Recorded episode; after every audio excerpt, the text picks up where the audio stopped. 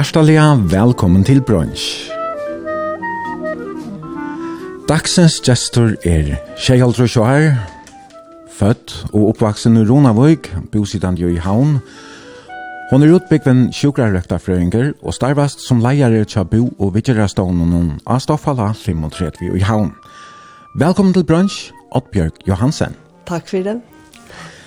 Og i morgen så sender vi ut ur stovene, heima tja til her, her og Spekvavei i havn. Yes.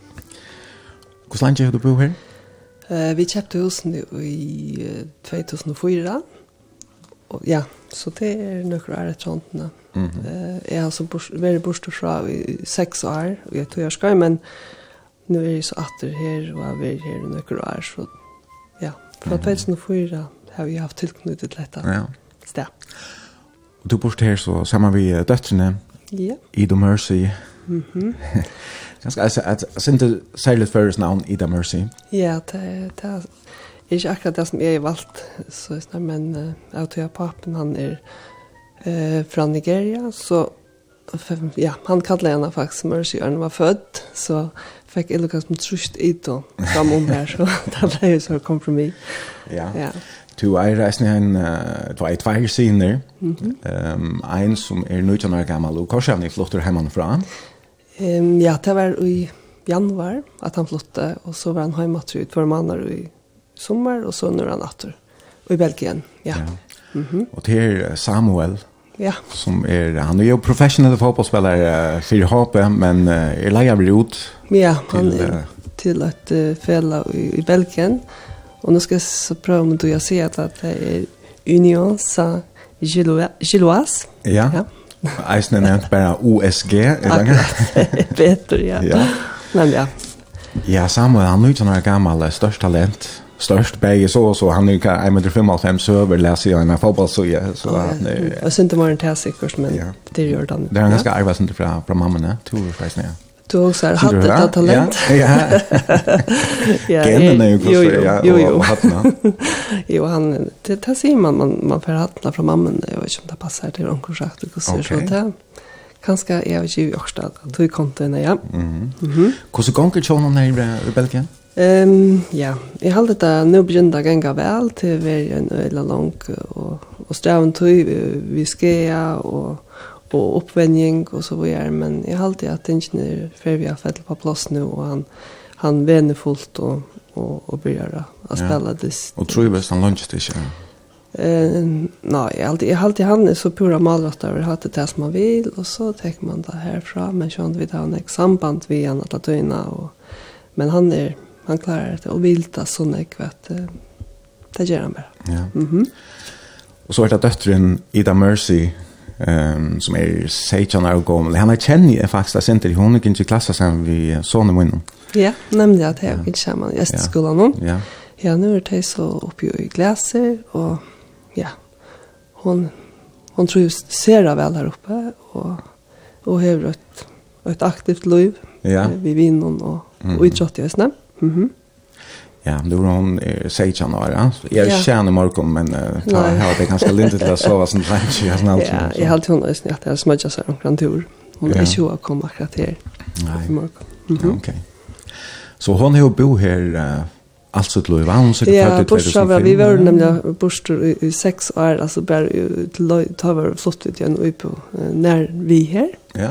Eh, ta var, ja. Och så kom vi att här så Da jeg og Maren fra frakvarnøren ta flott og vidt ut og var vekk fra hesten husen nå, men vi var og øyla nær vi allikevel vel i en okay. uipo, og så kom vi til Ivra etter 18-6 år, og nå bygger vi så her.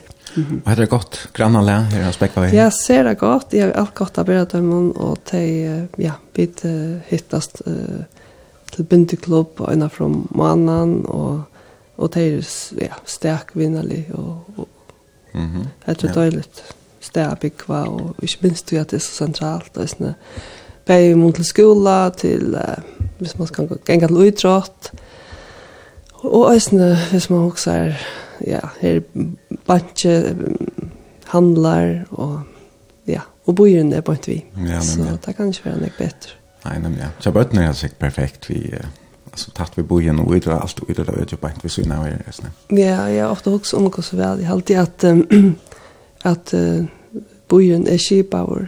Um, vi, um, att man hever sig här armarna och, och till blinda götter och att det inte alltid hunger samman så det är alltid det, det kan inte vara näck nek så. Ja, og her har de det snakker, sånne gøtter när man kan genka seg turer. Ja, rundan om akkurat mm -hmm. spekva vi läser här vägen och så har vi en en liten vödel här nere för när vi ösnla på en tomman. Ja, men som är nek näck ha glede av. Mm -hmm. Ja. Og vi sitter, som jeg nevnte, Janne, her i stovene, i husen tjatt her, og altså, husen er jeg synes det ser mest. Um, ja, det må man si, ja. Jeg vet ikke hva, hva slag er husen, hvordan jeg eiter? Per nu ikke, og, og kom ikke for godt i gang her. Det er nok noen få av hessens land som har sett opp en av når det har midt i forsen, og jeg vet ikke ja, jeg minnes det. Sånn, jeg, jeg, jeg, jeg, jeg, jeg, jeg, jeg, eh ta vit skulle köpa hus och hukt och efter ta ta ta så rattla skall som ut av av mynten ta minns jag att vi hukt efter så flänt vi det sen där så just det kunde koppa kvar det så för man var men men så först det var nog så dörst alltså hus till förra sen upp i pris skall om det inte snacka alltså i mån till det Men så vände vi där som attor till sig, okej, låt mig få hitcha efter dem. Och så såg vi att det var möjligheter, och inte minst belittenheten var fantastisk. Och i minst där vi kom och um, där vi hukte efter dem. Där hade kjøpt det, så röpte jag en här om man fyra sig. Det kunde sälja att grundstycke for om du tar husene vekk, så 800 000. så det, ja, det er litt så mye, vel fyra. Mm. Så det. Men altså, det er jo en deilig, rymlig hus. Det som kanskje jeg sen ser mest vidt vid dem till att tätje är ganske nok så størst i mån til resten av husen Det där klappen inte. Och jag har alltid onkel här flott där som man kan väck ut så där så just inte bättre ut och det blir rymligare än runt där. Men det här kunde ett komma en ganska jämnare men Eh det er ikke særlig at det er godt at det inte är ordentlig ildvever, det är ordentlig lökar så är det nästan som å være en kjip. ja? ja, ok. Så. Er det bedre gott annars? Uh, ja, det är alltid är er ja. ordentlig. Ja, at det. Ja, mm, jeg, vet, jeg vet, men et som er godt ved sin husene er, det er at um, at det er ikke kommer sin dom husene, alle er rundt, yeah. så du, du stemmer alltid, du kan alltid fære av jeg, jeg omkrar så jag husen hon alltså för regn och så ja så så ja, kan ja. stanna här och le. det passar så, ja. Men deilig hon har lett och här är jo så framöver ska han gott väder i morgon nästan och vi sitter här på över hatten och kunna hitcha ut nästan. Ja. Akkurat. Og hvis jeg nå gjør det morbrosjord for og gjør det loftet, så jeg finner ikke enda utsynet til nødsøkene. Ok, det er, det er mulig ganske. Ja, det er mulig. Ja. ja reisingen er, er rymlig høy, må man sige. Ja, det er sikkert. Og så har du bæka bollar i morgen eisen, så her engar ordelig elektrisk av nøybæka om bollon, og vi da finnes jo kaffe i koppen, og for hun og hun, nå en tvær timer, å prata om mengt og kvæt, ja. med landa om arbeidet her innan psykiatrina, ja. og du varst uh, kåsen årsens sjukra røkta frøyngur i 2020, til lukker vi tøy? Jo, takk for det, det er vi nesten glömt nu. Ja. ja, det passar. Ja, det er vi at uh, vente atter til, og, og jeg håper jeg vi får tog inn av Askoan og psykiatriske øyne i førjen, sett nye sendingene. Og så får jeg vidt snart hos oss til ung familie, oppvøkster, ungdom, skola og annet. Og så då er det en färast rättliga nej, kanske sälja som yngre, her du var spei i Grikkaland, du var i Paraguay, Torskaland, Ryssland, Kina och Argentina, bara för att nämna några riktningar. Och säkert är det med en partner över Europa. Och så får jag att spela Town Like, men eh, nu måste jag glemt till den äldsta son, ja, han har ju kanske ikke så nek till. Han bor ju nere, ja. Ja, han bor ju. Och till Marsten, det var den äldste tjatar som är Hur så gammal? Ja, han fyllde 20 eller han är 26. Ja, ja. okej. Okay.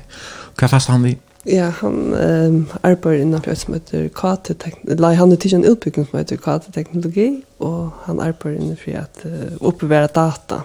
Uh, ja, og han er så vært nere i nøkker år etter håndene, og han var så født nere. Ja, ok. Så, så uh, Samuel og Ida Mercy har, har Og Martin har kvar som pappa. Det passar. Ja. Teipa har samme pa, mm -hmm. pappa og Martin ja. har så en annan. Så, ja. ja, akkurat.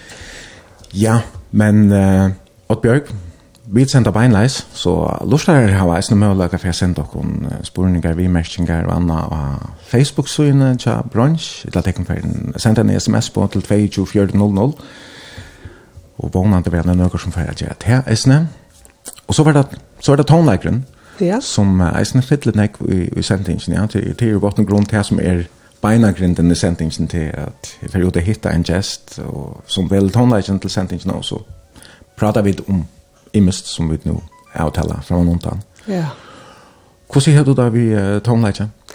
Jo, men alltid dumt uh, ser jeg vel tonleik, og um, som, som yngre så har jeg ikke annet um, stereoanlegg som man säger och, och plattor och så kör den lite flöver och sånt men men jag vill se att det är sist och ärne ta action så det blir sent örvisa eh och jag vill också att det är man lika som får låta det sent mer fram att det känns lustigt och har fyllt ja, utvarspel från alla tog och så är det att spela tondag ofta ofta det är som bestämmer ta ut det och i bilen och och så är men men med ramar väl tondag. Mm Ja, alltså jag jag fann det av vi gjorde det eller fyra det då vi pratade oss hemma att att du fyllde rätt väl vi att hon har gått någon i färgen och så. Ja, men är er så förviten om allt så så är lust ett kvatten och ett långt hus som som är er i utvärmen så får man färma och sen jag vita. Ja, men från mitt mamma. Gott hos gott. men ehm um, det var alltså en tonlager i i Battenheim och så där. Ja, eh, pappa han eh, eh spalte nekvan tonløk og åtte øsne nekva plater. Og så var han øsne rettelig aktiv i måned at han sang i kåre og spalte i hodden og i nekk nekvar og så øsne var jeg spalte i en orkul og det var så i, i stoven i alt et orkul. Ja. Altså en pump i orkul. Ja, ok. Mm. Inntil uh, du, ja. du skiftet det ut fra et tidspunkt. ja, jeg kjøpte meg et orgel da jeg var, jeg alltid var 16, og det var et, et uh, elektrisk. Ja, altså ja, stå vi orgel. Et ordentlig så stå vi orgel, ja. Vi flere rettjon, og tenker etter. Tøymer rettjon, ja. Så, ja. Og basson til, uh, ja, til fotpedaler. Ja. ja, så før jeg genga til orgelspel, Tja mm -hmm. Johansen, så det har spalt jeg sindri på at nøkker er det stendt så enn tja, tja mamma. Ja. 16 år gamle var du Du yeah. kjøpte, og jeg mener du greide fra at det kostet 20 000, ja, det er kjørt. Og du har engt? for Ja, jeg har engt, og så har jeg arbeidet i Sintra Træt, uh, Imsa Stane, så det var... Uh, det var en stor investering. Ja, ja. Så tror jeg. Men jeg halte ikke det, det økte virre, hvis jeg selv det som at det ikke fikk sånn der fyrt. Ikke enn, for kanskje på jeg enn nok. Nei, det er standard nok nøkker sør og orkul rundt, kanskje særligere, vi tjattler om imsastene i førjen i det. Ja, det er så tungt at det nesten ikke få oss vi helt. Nei, nei, nei. Foreldrene som er her var snett, snett. men det var jo fantastisk. Ja, det var det. Ordentlig nøybrot at det kom. Ja, ja. Ja, men det där spelar du inte så mycket. Nej, nej, det där som jag också immer nöjda för löjda och så framåt, men det var nog inte det orkligt som, som kommer till honom när det var också minne. Ja. Hvis jeg skal för hon har mer sent vi vi tonlöjtje. Ja. Ja. Men annars um, var det chock vi att Amma då en som var i Stronton hon hon var organister. Jo, hon spalt i kyrkan så det är nog härifrån pappa nog över eh arva ta kan man säga. Ja. Och han är så rätt att finns ju också spalt, och så men det det faktiskt ungen som Nej, Angela så en session som alltså inte näka så så det var bara så småvis alltså det har spalt det last några år och så jävst man. Ja. Ja, så det är andra ting som har som vi tar finns vi. Okej. Alltså utrustning kanske kanske i mun det som vi det som vi brukte tog innan mest på. Du har kvossver valgt några fina sanger vi får spela i morgon. Takk for det. Og ja, skal vi spela letja fire vi er noen en og läcker läge til Sting. Jo, det er alltid en god. Jeg vet ikke om du har sånn här at, at säga om Akrahenta Sanchen. Um... Nei, det är jag vill bara säga att han som Asmar Damar er Sting ser vel, i alt han synker otroligt vel, Han över goda tekster og löjningar ser av ökor. Visst. Ja, men uh, hesen her første til er um, Shape of My Heart, som nu er ferdig gong til 18.4. Og ja, kan lykke med en annen affær til at 22.4.00 eller Facebook-synet kjøp brunch, at du kan føre inn og sende en bimerking, en helsan, et langkran spurning til Oddbjørg Johansen. Hette Stink, Shape of My Heart.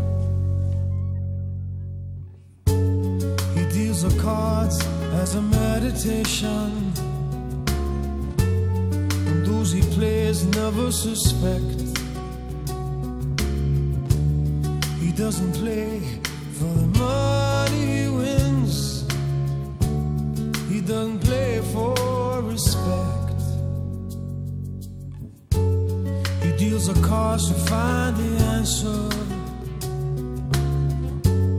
The sacred geometry of chance.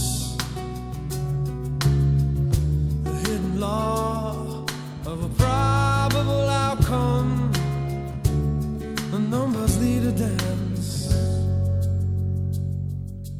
I know that the spades are the swords of a soldier. I know that the clubs are weapons of war. I know that diamonds mean money for this art But that's not the shape of my heart.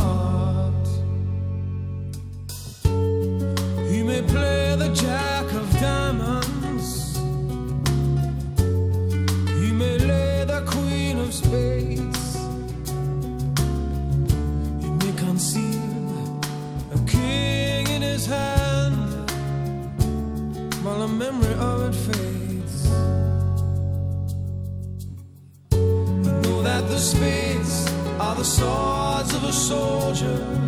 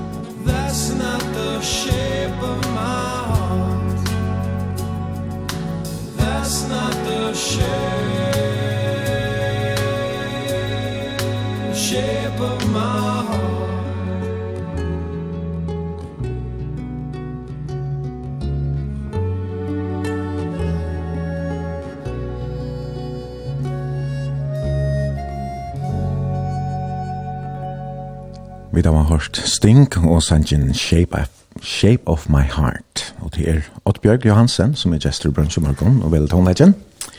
Og vi sender på enleis av Spekvaveie og i havn, sitter inne i honalig stovene hjemme til Ottbjørg. Vi har en lekkron kaffemunne og nøypega om bollon og njóta det gode vekkre og honalige selskapet.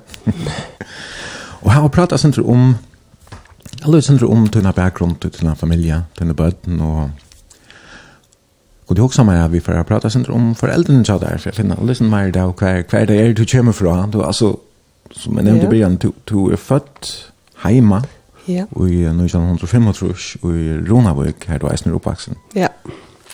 Hver våre foreldrene til der? Ja. Ja, pappen min han var strandtingur, jeg var Marsten Johansen, og mamma min hon er av Nese, og hon heter Sanni. Davidsen kallar i stund ta, og så ble hun gift Johansen, og det er flott, og så inn til Ronavikar og Nukjandro Trus. Og ja, så finner de flere bøten, vi er fem syskjen, og det er og vi er rettelig tøtt.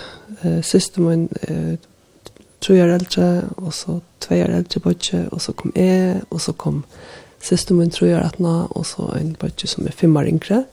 Nei, fem år yngre. Han fem år atna henne attra, så det er åtte år. Ok. Så vi først, vi, vi tror vi var rett og tøtt og sånt vi tror jeg nå til øysen tatt, så det var nok så Det må ha vært synd å råka litt til tøyer, og jeg pleier å fortelle at jeg slapp litt i bøkene til å være en jeg etter mann er ta grunnvei i ordene selv men nu vet jag inte om det passar nog så men man ja. kan bara huxa till att det här var fem bud som är och är så tött att det är synd att att det vi. Mm, ja, nämligen. Men mamma hon var hemma och och passa i okon så på att han att han hade sin service hvis man skulle finna öll ut av husen hon så vi tar inte gänge i badnakar men vi får bara i skolan där vi får tjej. Mm. Og annars eh, hugsi om badendømmen som øyla stabilan og forutsiglian vi eh, en god struktur, måltøyene var avvisa tøyer, og leier det, så får man be, og sundet det får man i sundagsleier og i sundagsskola, og ja, og sånne leier det, tabler ofte en, en, en sånn formakakka bäcka och så det det luktas det vikna luktas och på tomaten som kanske synter överse en vid chip och i det. Ja. Så en det är som en en tricker och fjälker battendomer. Ja. Ronavik. Helt säkert och eh ekla roll för äldre så kjenner ikke til at jeg ble skjelta. Ja, hva var det de gjør det? Ja, arbeidsmess, eller arbeidsmess. Ja, ok. Ja, pappa, han uh, arbeidde av skrivstova, mm. hei utbygging, og arbeidde, og det kalles for timpran, og så, ja, det var, det blir jeg nok ut, ja, an, at hofton, og så flottet inn tronakar, så, så det ble til, til timpranten som nå er i Borg. Å oh, ja. Ja, mm -hmm. og her var handar, og skip, alt mulig ta, uh, for nekken så igjen, så nå er det blitt sindre ørvise. Ja. Men, uh, det var her, og mamma arbeidde så østene her til det hittest, ut av toften, og så ble det gift, og så passet hun hus og heim, som man ganske flere kvinner gjør til å ta. Men så får hun skjøtten ut arbeidet, og i, i handle, og, og så gjør, men, men hun er så i større mån være hjemme, og Så det er synder at det er nervøs igjen. En, de fleste bøttene vekser opp mm. under det. Men minst en av fortås at om man får selge husene, så skulle vi bygge en nødt langer oppe, og jeg minst hvordan vi tar ikke talinger om vi bøttene vil ikke flytta nøkker av stedene.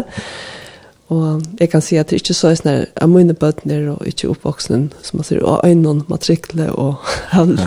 og det huset, og det bygger her, en, eller mamma bor her. Ja. Så det er sånn der vi kjøtter föräldern så där boa tatt vi Sjömansheim, ja? Alltså ja. här... Bort i Sjömansheim, ja. Ja, så mitt i uh, bygden kan man bo innan. Ja. Är det ju blivit till? ta var det ganska en bygd till att säga, hur snäck på Ja, jag vet inte till men det var så rädda snäck för folk så inte. Det har flott in var där. eller det för oss i få. Så så det bara exploderar här så nu är det Ja, en ek brøyta. Ja, ja, jeg holdt øl en. Jeg platt å spille opp en sånn støyne nek om af fri hus, en sånn slatt og store støyner, og alt, alt er vekk, og det er hus atlastes i det. Ja, men ja. Så, og øyne, ikke minst uh, fjøren, her var en sånn øse her inne i vujtjene, oh, ja. som vi spalt og nek ned i fjørene, og ja, nå er så alt fyllt opp. Og, alt kajkant. Ja, da må man se at det det sin cirkeln at du du tever det er nekka gav løter her, og så kjønt inn i kajen, spalt og bøtten i morgen ta, enn det gjør jo i det, og jeg husker ut med at man tør det, men det kan ganske være, det var jo nek folk her alle tøyene, så hendte jo okkur så, så, så var det kanskje omkring å jobbe.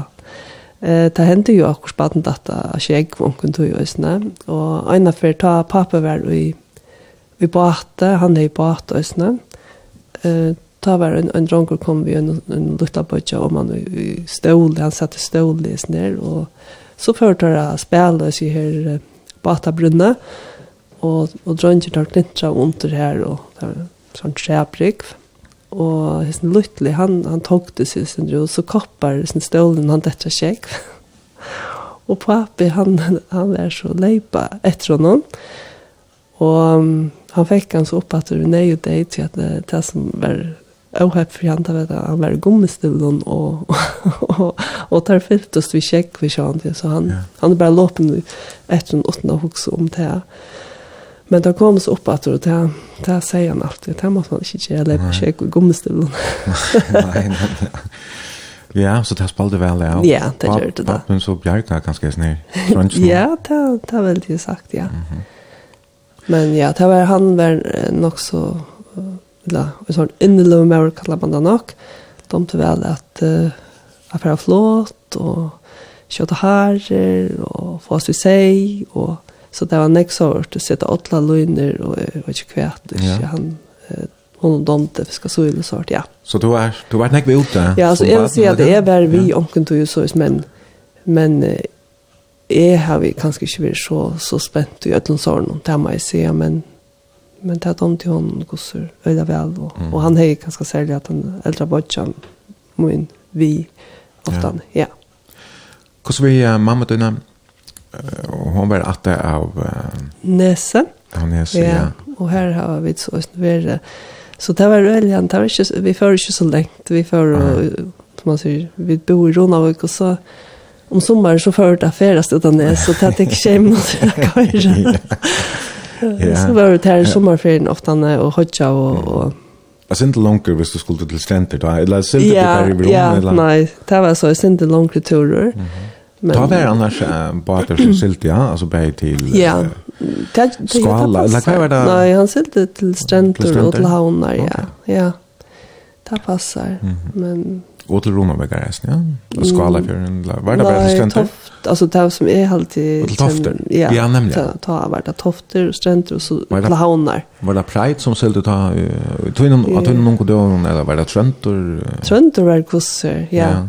Det var det var Så tog minst nok eisen et, at tatt i forhold til havnar, så var det vi bad. Ja, det gjør det vidt. Og jeg var øyne for når utfri affæra, at ble sjuk, og skulle til sjukhus jo ta, ta för ut ösn vi båte. Mm. Alltså sjukra båte. och okay, ja. inlagt det var sex år. Ja, kan vara kan vara galda. Ja, man helt av var men och jag blev ösn skor vid kört och men det var det var inte det. Så jag har ju en blindtarm. Han blev tidsen. Okej. Okay. Vi får bo i farsen här men det var ikke center, det var et øyla særligt opplevelse at det ble innlagt til foreldrene, det ble ikke innlagt vi da, det var det var som sendt hjemme at det var så til til uh, Bajja pappa mm -hmm. og og man tar sig ofta om man ser trauma som, som, som det har finnet, men jeg minnes det bare som at jeg helt dette var sånn spennende. ok. Eh minst inte näka ringt att att och du blir alltså väl så mycket stor att du kunna spalt ganska över Ja, shit. Ja, jag minns att jag hej helt sånt jag fick en en skor och värdla för i attarna, men jag minns inte att den där öla ringt att rata. Jag minns att jag så bara stod samman vi kusser två i och en var 8 och en var 12 Og jeg minns eisen at jeg husker jeg til løy at noen som tølv var var badnadølten til å helt hun var alt for større. ja. Men ja, så var det at jeg synte ikke helt at sikkene i sluppet så ikke av vidtja med. Nei. Men ja, Foreldrene sluppet? Ja, de kom, kunne slippe av vidtja med, men det var, men de var ikke båsen da jeg ble skolvidkjørt, altså det det var bra gjørst, så det ble nok så skøkk alltid til det kom, og at det var gjørst, det var nok ikke gjørst i det. Men da jeg kom hjemme etter, så, så, så halte jeg minst mer til at det var akkurat skjærlig.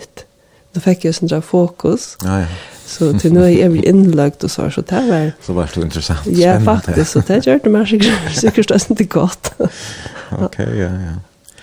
Men så till var det nästan jag stront och det ju för oss. Ja, vi var och vi tjau upp bo i här om att då långt att ta pappa var små trunkor. Så vi vi var och tog ta uppe bo i här huset men så flyttade han till uh, andra fast fast mina. Och så var var onje onje om och uppe ta ta var långt och stulja så han kom platt jag komma vid och och byggva och och. Okej. Så platt den affär till barber Og det var her i Sjømannshøvnen og i Kjattlæren, det var barbereren. Så minnes jeg at det skjøte som stod stålen og boja av rett og slett. Det var ikke man gjør det enn nærkastes. det var ikke nærkastes vi har begynt tog. Mm. Nei. Men du um, hjälpte eller det gjør du kanskje alle bøtene, hjalp du uh, vi till imska att hodja och, och så. Ja. Kvar var det, kvar hodja det så var det her? Sånt om Lanese? Nei, det var det Janese. Ok. Og det var ingen spurningar om man skulle til ikke, det, det gjør man bare, mm. og det er litt videre som irriterende, så det var jo det beste delen i sommeren, når man skulle til hodja, og så var det ganske vindfolk som før tofta vattnet, svimja, som det gjør dere, det tar eller gjør dere annet stort litt, men, men det var faktisk det man så hokser at, en, en, det var jo utrolig gode ideer, og Omma hon ser det att vi att vi fick gå äta, baka i pannekaker och Och så har så att vi har haft och tror jag några goda går ut i i vi. Du har färdas stöljan ek vi lever någon chat där ganska sälja av ungdomsåren någon. Mhm. Men men uh, blir jag faktiskt nog så nog så tölja som som baden varst du i halvt var det åtta år gammal då för att bygga måste du inna i, i ja, långt då. Ja, det passar. Ja, nu säger jag vi var i Ronavik och så för vi ut av utan näs ja. färrast men uh, vid uh, alltså och mamma har bara ett syskon och till en och hon bor i London och bor allt sitt vuxna liv här så vi var häppen att släppa uh, till London och ta var i åtta till vi för första ferie var vi var åter tar var ett lov och det var något helt särskilt att släppa släppa en sån tur ta. Helt då att alltså utlångslända färra horen alltså kan han stäva åter från från territorierna. Eh bäj och huxe. Det kan vara att är helt av otroligt spännande. Jag såg att det är imsko falchen när man sa plums punkar det var och så var det inte ta och det bara det att det gick så där örvis i latten och och var så imisk till att falchen som man mötte i i London. Det har varit svandla så jag folk vi rinkade nösen och var Akkurat. Det var väldigt forskunnot, og mm -hmm. som jeg sier i sin forviten, så her fikk jeg ordentlig ikke hitje etter. Og så kjønn til sunt 17 i halvtid at jeg ordentlig finner ikke hun, og kanskje også på appen men jeg var skundt ondt til. Mm. Nå, og Bjørn togjen hun genker vi rugande fer, og okay, ja. vi må heldig for å spille en, en sangatræt. Ja. Yeah. Og Ja, hese bæg som synes jo framfor at hei var reisende oppvoksen i Grannaland til Dikkon. Det passar. Det er Oli og Jodi. Eh, de bor bort om han fyrir og bort min og Oli tar var vimmen her til tar var fitte smadranger spalt hun eksamen.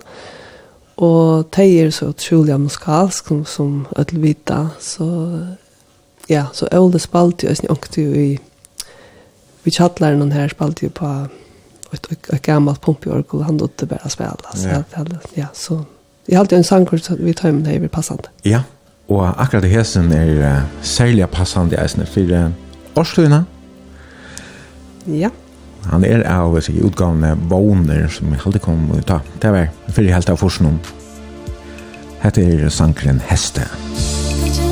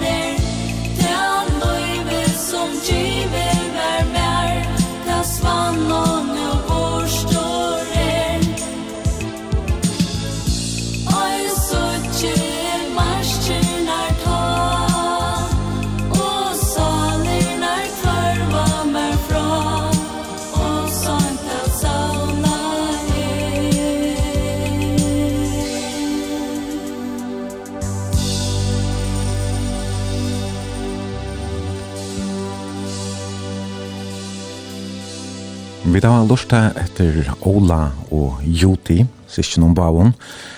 Av utgavene Våner har vi til Sanchin Heste, og til Ottbjørg Johansen, som er gestor i bransje morgen, og vil et håndleggen. Og vi sender beinleis av Spekvaveie og i havn, og har prata nekk om badendommen og oppveksten her i Ronavuk, og samme grannaleie som Oli og Joti eisne vokse opp. Ja. Og Jeg kan huske meg mer at uh, lika nevna hva så er det her i skolan så der, du, du byrja i, jeg byrja vi jekst i skole i Ridevik, ja? Det gjør man fyrir det første året, det har vi hørt omkring annan greia fra Esne. Akkurat. At, uh, at en annan på hver man bor, vi bor så i Ronavik og vi får til Ridevik er og de som bor innar Gliveron og Søltafjær, de får til Søltafjær. Ja.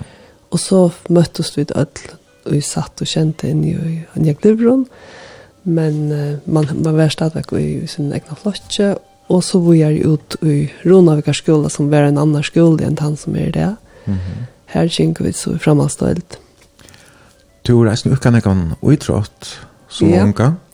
Ja, nå tar jeg om at her, der vi var og bøten, så var det rettelig annet roligt vill säga och det var ikke så att man begynte til filmlag da man var 8 eller 2 Da var man tutsch da var man støkk, och det var Alltså det var bara så just det. Det här för... för det gjorde det elegant. Det gjorde det, ja.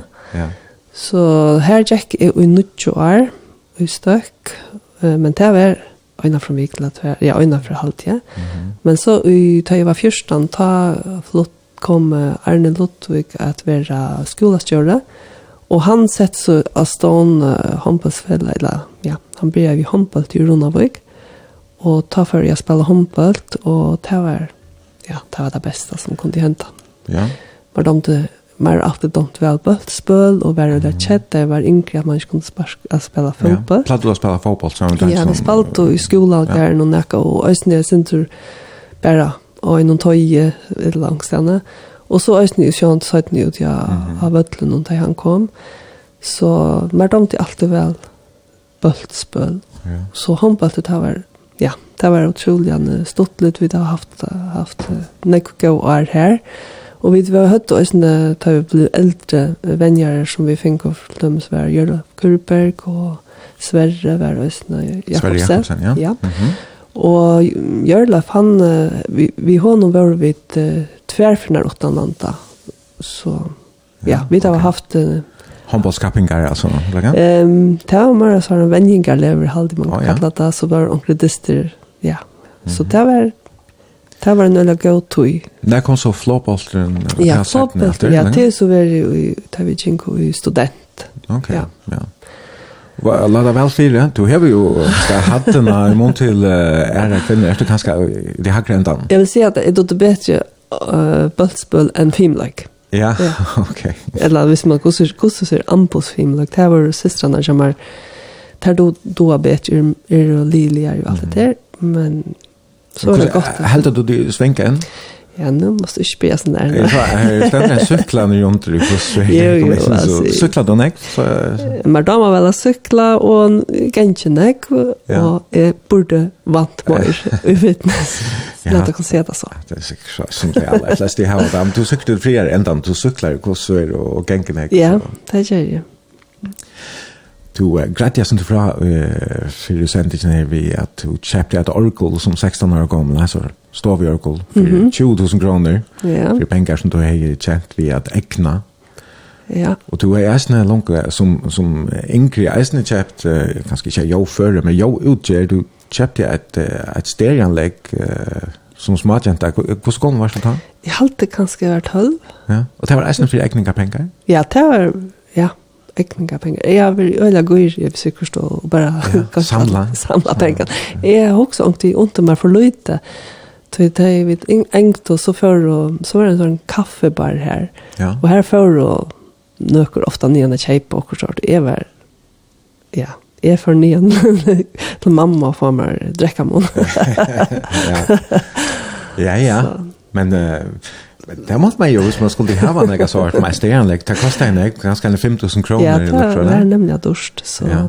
jeg minns jeg i pappa, vem for för att det, det var väldigt störst. Ja.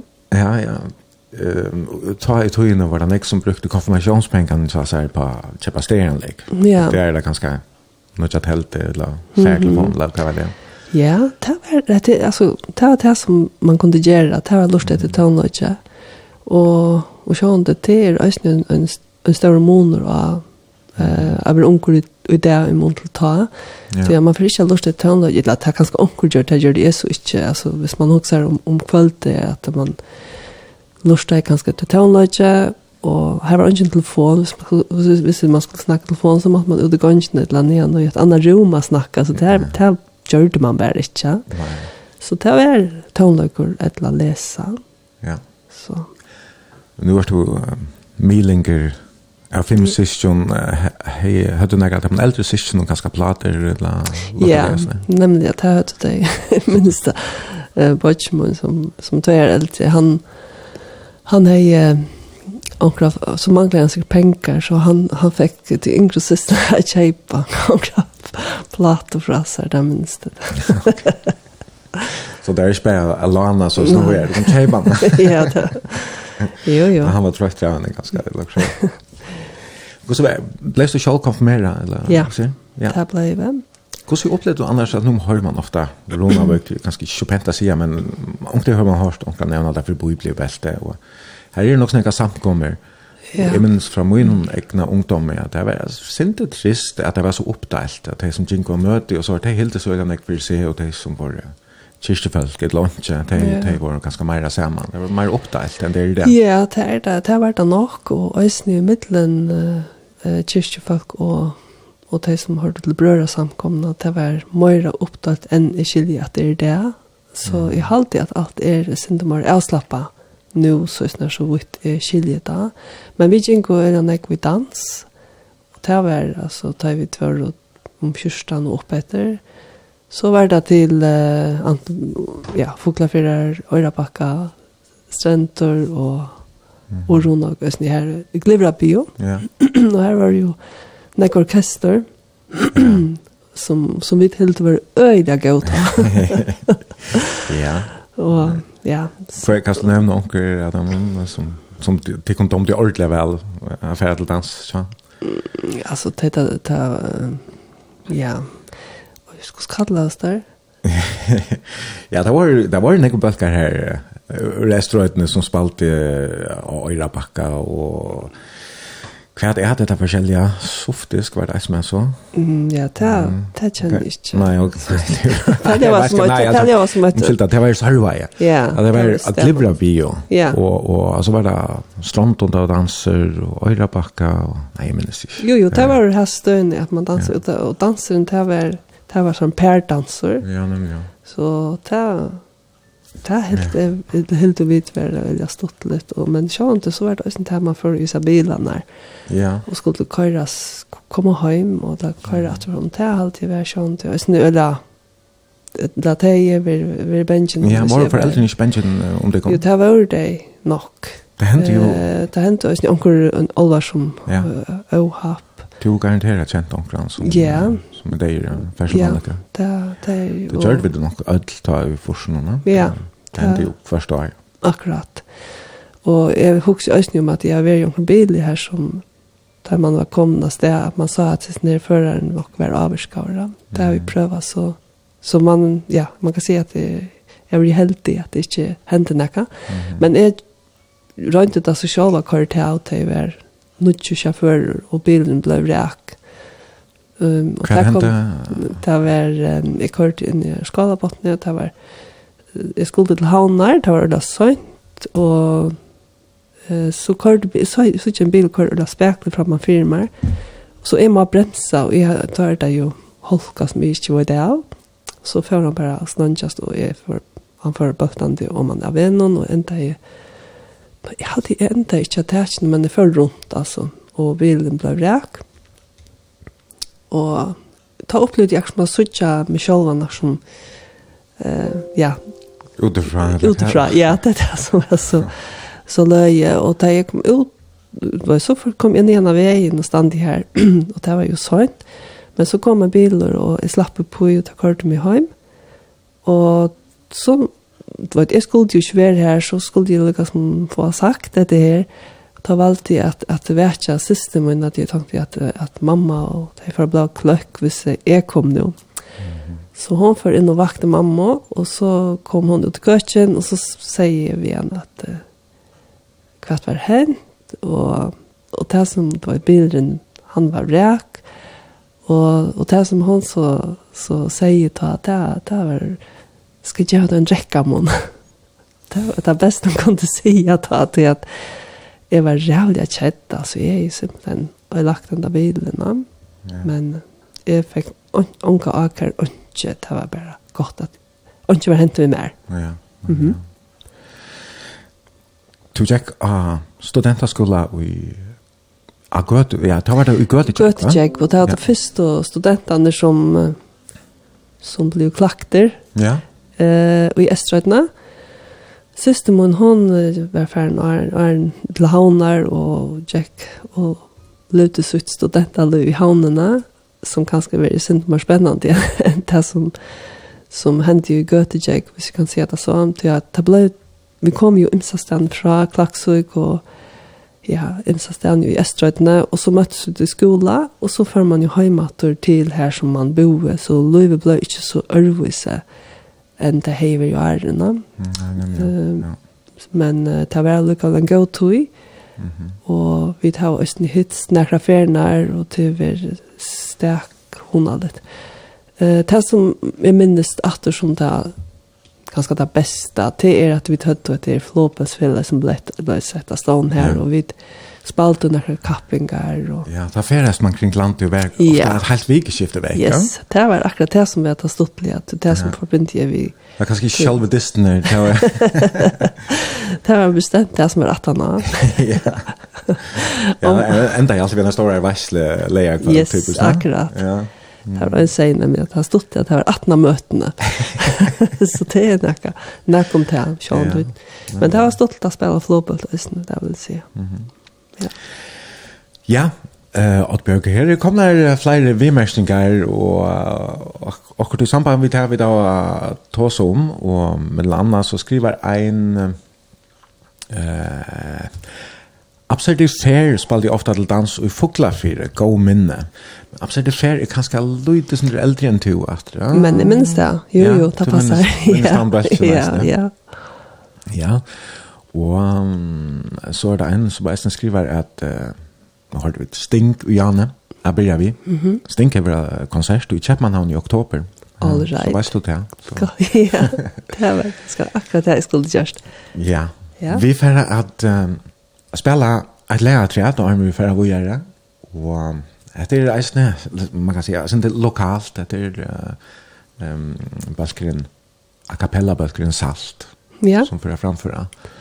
Hvor er det valgt just hendet sangen? Ja, eh, akkurat han den som der, som de synger, ja, Magnus er det som synger, det er uh, etter heimland, og det er en sanger som pappa min omsetter, og han blev nekka helt særlig, uh, eh, ja, Magnus valgte at, uh, at jeg det til å synge han inn. Ja, Magnus er sånn sysna var uh, så det er familiene, og ja, Magnus er også en utrolig ja. vekra rødt, Og ta i pappa for til gravar, ta sang kåre, som han er i parstret av, han da sangen og så han sangene finnes jo særlig plass. Ja. Ja. ja. Jan Magnus uh, Gunnrim, heter han det, ja. Ja. uh, var han nevnte Kristiansson Olsen. Ja, nemlig. Og jeg månne nok kjenne røttene at det fra Kvirra om fjell og fløter, en utrolig vekk jolasanger som han uh, synger. Ja, nemlig. Det her høyre vi da, sammen med bølsen om salt, etter altså lege Heimland.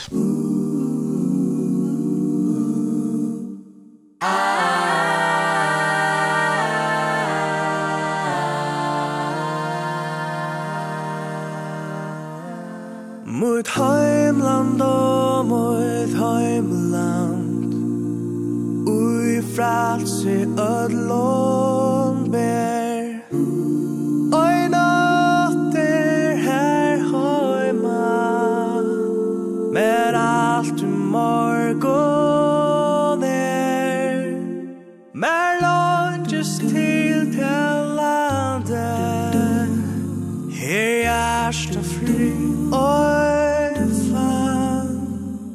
Oi puna er her heima Her til en ma man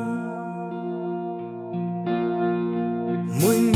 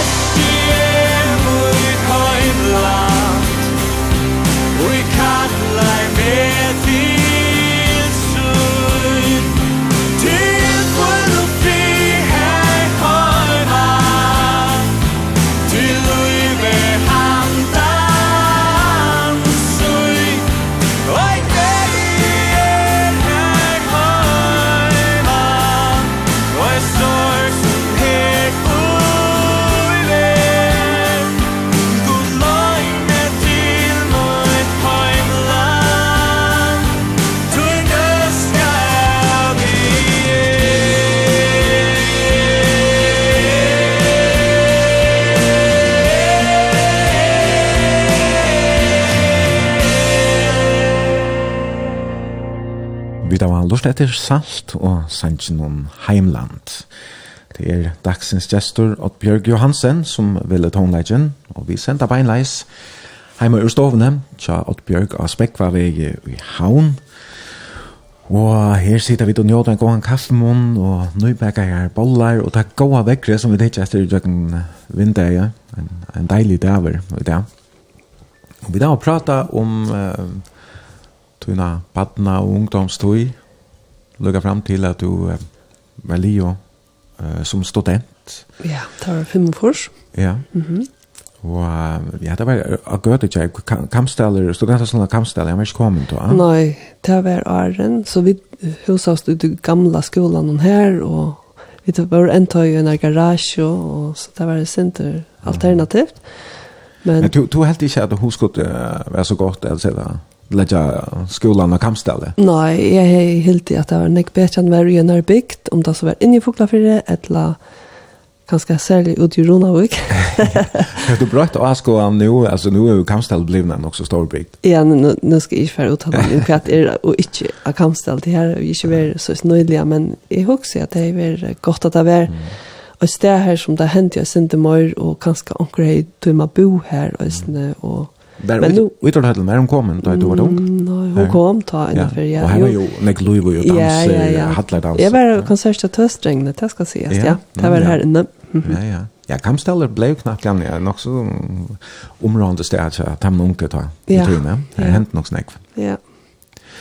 Men ehm tar du vart Leo ehm av studentaskola. Visste du så hva du skulle ferdigere av å gjøre? Nei, det er det som jeg slett i overhørs visste, og jeg visste bare til at jeg atle meg for gebots, men vi får først interrail ta på en ta sommeret, på en ta over vår lio, og så får vi til at jeg er på jeg for jeg kunne fære i gebots, da gjør du så holdt av skjøttene, jeg og en vinkene, kvui kvui kibbutz grava det Ja, det var bara att jeg kommer sen det lengt veck och i hej ta är en jo sån utväxling sommarferie i i North Carolina.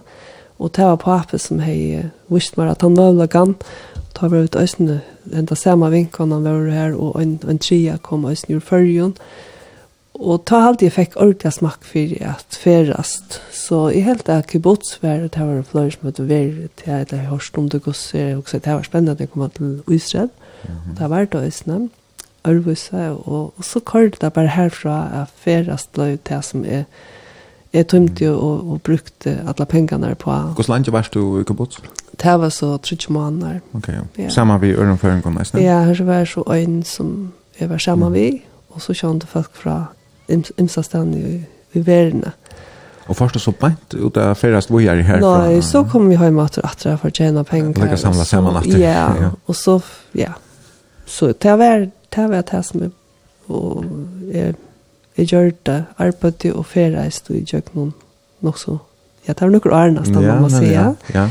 Um, jeg fører oss en tur estre etter her, som vi fører vi til Transsibirka jantbreitene fra ja, Russland til, til Beijing. Og så var jeg... Fra Russland til Kina, så ble det. Ja.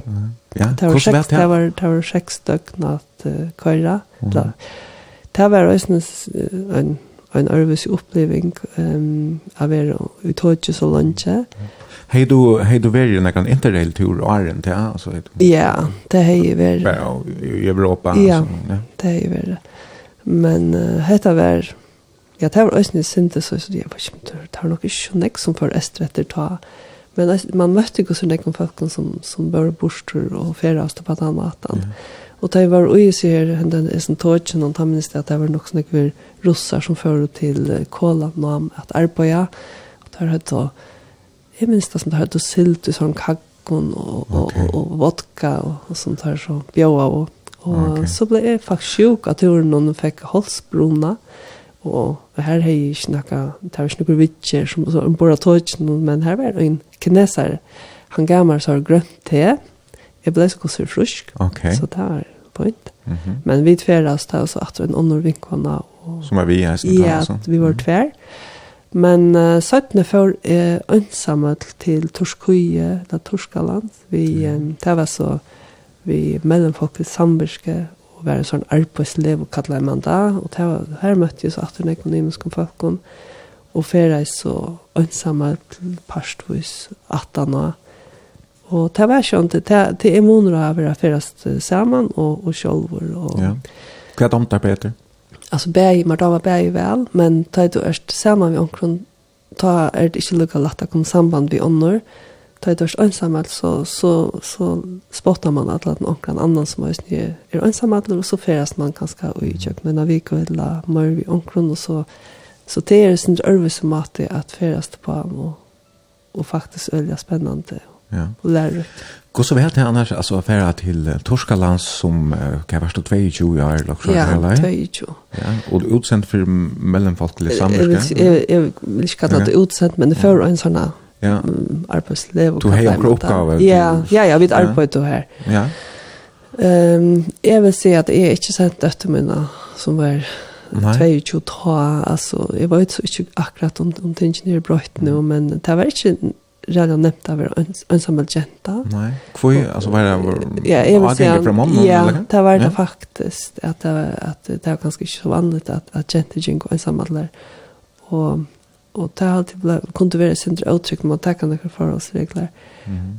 Ehm men men jag inte det är så här ber jag så här arbetslevne så så har jag ju mött några folk som är så är färdigt samman vi 18 år men ett öliga spännande ställe och och vi var då några stö som var rätt inne ospilt och så får vi det här det är för så till Grekland för till till ankra gräskar ödjar och sånt och ta upplevde är att att det var mera det mest av turism och för sån känsla av att endast det vill till ha pengar för att där. Ja. Och och till det som jag kan lösa under bekymra om ja. i mån til åkken her, at hvis man bare kører av i turisme, så, så begynner det å være sånn som som man kan skal majoritera såna eller eller også jeg skal bare ha sina penger för att det så för at det blir blir helt noe något annat än det det er ta i folk som är bluetooth i førjen heter det så så man man er ikke förviten til det kommer främmande folk om man er blöjor Jeg minnes pappa gjør det med at han han lät omgång en, en turist bara gäng kam tog allt på ju hemma äta dövla köpen och så. Och så är ju hotell där man ju är ja och ta var helt sjonek för nej det är och nu heter det slash bort hela så där kommer stora ström ta mesh man är snilla höjer man om utbyggt och så ja. Så så det var det var sent sent trist alltid ut här. Otroligt av veckor då i i Grekland ja, ja. Men så kjente så, så før jeg etter man tar hjemme trærfra, og så har vi så vært imska turer og snu i Sør-Amerika. Ja, sammen med Flemming Petersen. Ja, ja det var ja. en sånn tur på seks viker var vi her som vi uh, bo og uh, rette primitivt og høtte hver sin hest og, og fyrre oss og synte rundt her og, og opplevde å være i sånne reservaten her som, som indianer eh la bikva. Han gjorde ju några filmer som ja. eh, men där är vuster i Sjömarknaden nästan ja. det Ja, jag hållte det ja. Ja. Jag har kvar för sett där här han vidare sig inte annan och lever samman med dem ja. längre tog ju för att i skogen har väcka fler idéer samman vi mannen och därför ja. att vaja och kort Akkurat. Ehm äckliga äckliga primitivt. Det må man säga. Ja ja, ja, det var bare vaska seg i ånne, og ja, det var et stort litt opplevelse. Har du en lykke stor han ut langsel, altså flere langsel? altså, jeg har alltid ble så når jeg synte metta ta, mm -hmm. uh, og, og ta i bøttene kom, så var det jo øyla godt, og, men jeg, jeg var øyla glad for at jeg har vært i saturene der. Ja. Men jeg kan godt uh, merke at nå, at nå er bøttene blitt så vaksen at uh, nå kjenner jeg også at alt er nu nu blir det till att det synder det så. Men ja. i allt det här som Men det kanske är det trubbel like en akkurat det som det alltså galt under första då med corona och så det kanske sen drar outfit like och så så.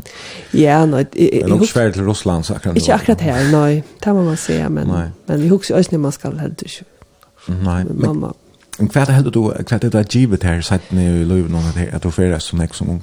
Ja, alltså det är helt det att det är liksom en en en en forvittne man til fremmand uh, folk og øsne er suttja alt det gode som, som de nå har som vi kunne kanskje lære av og øsne ikke minst suttja til det gode som vi har her ja, det setter uh, perspektiv setter, ja, ja, og setter priser på det det gode skipene som er og i, i hessen mm. parten av heimen ja.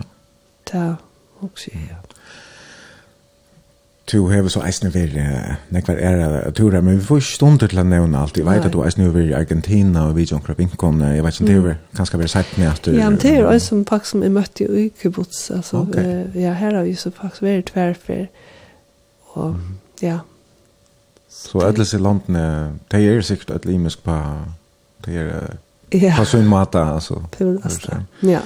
Så det gjør det at du fært et annet perspektiv eisen jo på okken her heima og ganske sin større forståelse for de øren mentan og øren menneskene, menneskene som er og øvelse kommer her stedet fra. Ja, og, og ganske sånn hvordan uh, egentlig jeg tror på det er at jeg kommer til et, et mm. øyla fremmed land ja. her som ja, det er helt er er matar jeg tingene på. Da du så er ferast og faktisk leir i år, så på et eller annet tidspunkt så så blir det å huske, nei, nu nu må jeg altså färre gang den utbyggvinkas. Ja, altså, det er alltid la her lurt i tanken kanske blir vi på hämta maten. Og så så ble det til det att eh, søkte inn av det kalles for sjukra systra skolan da. Og, I följer ja. Ja. och jag sökte ju värtastöd ta var det nemlig, i ja, Estan för. Så jeg kom hjem, og så jag kunde fære i i skolan. Mm. Och det, det var en, altså, årsøkjen ganske til å velge til at det var ganske mer til at det var til å bruke til utbyggvinsene uten andre. Så det var akkurat det samme her. At, så det var mye på hei ferie som tog for, for det hokset? Så sier jeg til for neste slik at jeg annars omgang til hokset om at jeg skulle bli kjolesøster. søster. Og min kone kommer, hun pleier å si at hun får godt nok ikke å være eh gänga lacknon till handa. Ta var det nog fler manliga lacknar så det var så jag var kanske ganska så stolt av att se henne att för mm. att att lära sig syster. Ta varst du full kör gång då du började läsa och du fick AHA för salarfröje på vägen. Ja, jag vill säga att det var kanske i center Arn och jag huxar att ta i check student så skulle du ena för skulle vi välja ett ställe färra i praktik, eller praktik, og en dag bare. Ja. Og da valgte jeg færre å ta seg ved Ein Johansen og høre om hvordan det var å være salerfrøyngård. Um, Så det var her, men så tar jeg for uh, av skolan, så, så var det, jeg vet ikke akkurat hva slags ut, at det ikke tar jo finko psykiatri-partene, undervisning i psykiatri, og ta, ta folk seg bare, hette det, hette det som jeg vil, og og var ikke i vann akkurat til at jeg skal på i psykiatrien og ja, så ja. det ble det. Det var annars kanskje ikke, så jeg husker det her i forskningen, Det var ett sinter okjent ötje, det var ett sinter lukka. Ja. man visste ikke ordentlig hva det var som Jack Fears i her, og alle folk var sånn benjen for her, når man hørte om folk var sala sjuk, og man har sånn berøringsangst stadig, og han skal være det sinter tabu i sera. Ja, altså jeg husker bare hva jeg visste i åren, det var veldig avmarska, ja. og jeg husker at alle årene kom ordentlig inn her liksom, og i arbeid at man må kunne ta seg hvis følelsene ta man skjønner nøyd man, altså hva skulle jeg høyle var og være kritisk på den måten men jeg må si jeg ble klokere ja da jeg kom inn og arbeid og lukket jeg dølt at ja og i praktikk og så man at man ikke fer som man får å ferme seg samband vet det for en dag er og regulere i øyne at, at høyle var er nøyere for som og Ja, mm -hmm. men og atter til at Høylvor skal ikke stande og samle til så og en annen søk. Vi får nok at hos om her reisen om psykiatriske øyne om man har løtt det. Du ble Leo i 1992 alltid du greit meg fra. Ja, det er tredje år. Ja, takk skreppan rakte i fyrrjon. Ja. Hvorfor du så nyrande arbeidet? Ja. Ja, alltså jag vill hej bestämma mig Arne väl ju att jag vill till färre åt annat det minst att det säger att det skulle til ut i verden at arbeta så där var första stopp kommer så är förut på en kofferstund nyår. Ja. Och sagt det här ja. Vi får prata mer om det man har lärt men först får jeg spela en en sangatriad og det er en danske bøsker, utlänningar. Ja. Så där där ropas outlandish. Det var spalt i färgen nästan, AG-festivalen, du vet, hörde du det? Jag hörde det inte, nej. Nej, det var en framgångsgärande konsert. Ja. det var gåbra. Vi platt alltid att synja den här sanjen, där vi la ha en frat, där vi körde till Ronögar, var det långt att köra till Ronögar. Okej, så det var färgen, att du hörde det ganska att när du kom hem nere Ja, alltså jag, jag visste ju om att det och, och hörde, men, men det var, jag var inte hur jag talade, alltså en flöv i bilen som, så det var kvar jag för vi körde in efter, så sunkade vi, han andas sanjen. Vi skal høre nå. Og det er altså a 22.00. Du kan sende en helsan, en avimersking, et langkraftspurning. Det kan du eisen gjøre av Facebook-søgene som heter Brunch. Etter Outlandish. I only ask of God He won't let me be indifferent to the suffering That the very dried up death doesn't find me Empty and without having given my everything. Ah, ah, ah Todos juntos, por favor I only ask of God. He won't let me be indifferent to the wall. It is a big monster which strikes hard On the pole innocence of people It is a big monster which tries hard On the poor innocence of people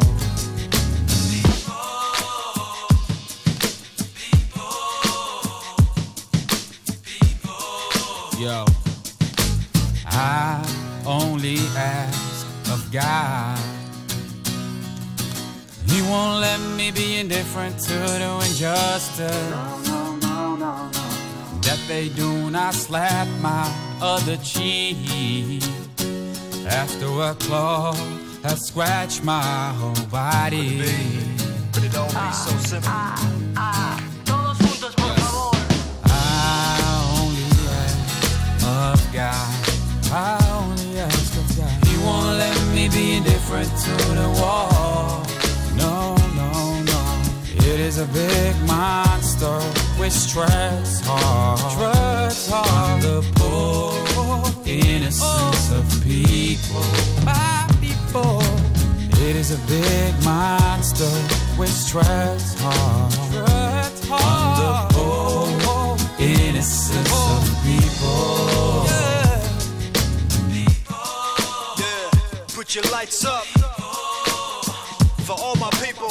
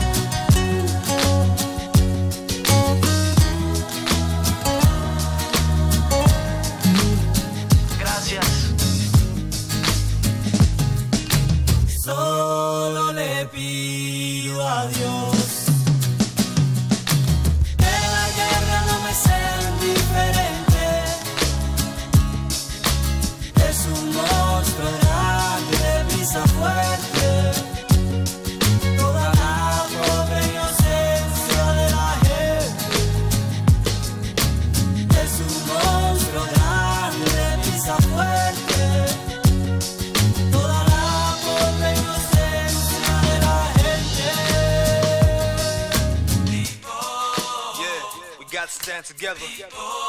Hey, it's all we got. People. I only ask of God, hatt av her. Danske balskeren Outlandish, og det er Oddbjørg Johansen som vil tonelegen, og er gestor i brunch i morgen. Og her er det kommet uh, flere helsaner og vimerstinger, vimerstinger av Facebook-synet, til brunch og eisen av sms-skipan 22400 og det blir framvis til å spela vi får vende atter til der om en lukla løte men uh, først skulle vi prata litt om en satøyna da du så flott Nil damarskar i 92 da kreppan rakte i fyrjun og det var nok ikke kreppan som gjør det at du uh, ville flytta at du hei gjennom her langs du ville jo til heima og i feras nek og kunne bruke, bruke utbyggvinsene akkurat men uh, Men du er flott som i Danmark og byrja jeg arbeid av Fredriksberg sjukrehuset, mm -hmm. lukka jeg deilt, ja. Så var helt nudge da? Ja, det var en, det var, slapp jeg bare vidla at uh, lette seg deiltene opp, så vidt var og sammen en av vik og åren, og så før vi til gang, og det var jo spennende. Og samtidig så var det en, en, en, en bøkker av, av folkene som var rettelig ytla fire, og man skulle liksom finne til hver man kunne hvordan man kunne hjelpe dem hon uh, bojar etla i som hon för måtte de för för jag hört psykiatrisk röktar hem av dem så det var och ja det var en en en lärrik og her arbeidde jeg i seks år Og i tui um, ja, og da var det så østning at jeg fikk uh, den eldste sonen. Marsten. Och, ja, ja, och i 55. Mhm. Mm Og ta for jeg så i farløyve sjående, barsens farløyve for hjem til førjer, vi hånden, og jeg var altså ansamlet vi hånden.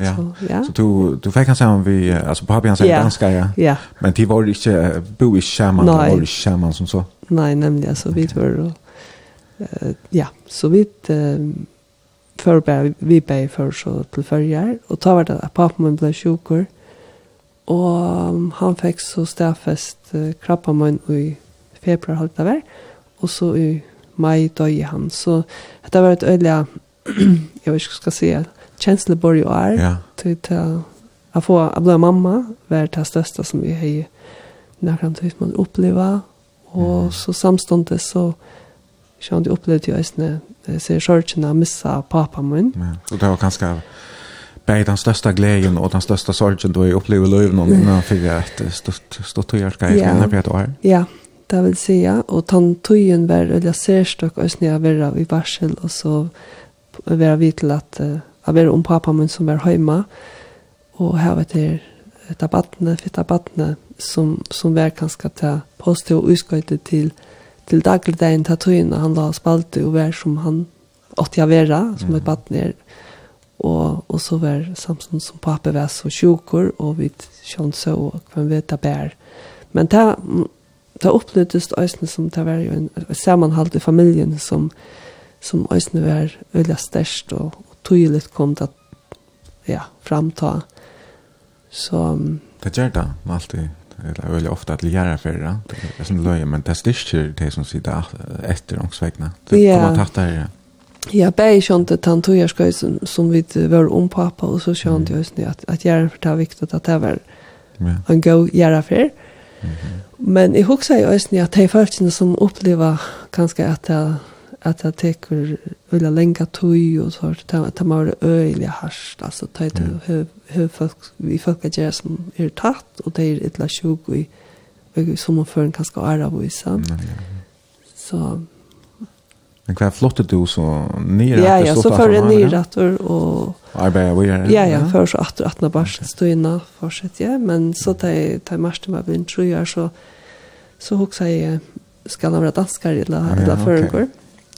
Og jeg valgte så å flytte etter til førjer. Hvordan bodde han her? Jeg sa tøyene, nere og så. Ja, det var, så, det var ikke så nevnt å finne uibor helter ta, så jeg bodde til framløy og i tvøymon omføren, men till enda så fann jag en uibo, och det var här av Flusberg, som hörde till sjukhuset, som jag okay. fick. Uh, Bor du ja. sammen med nøkron här? Så.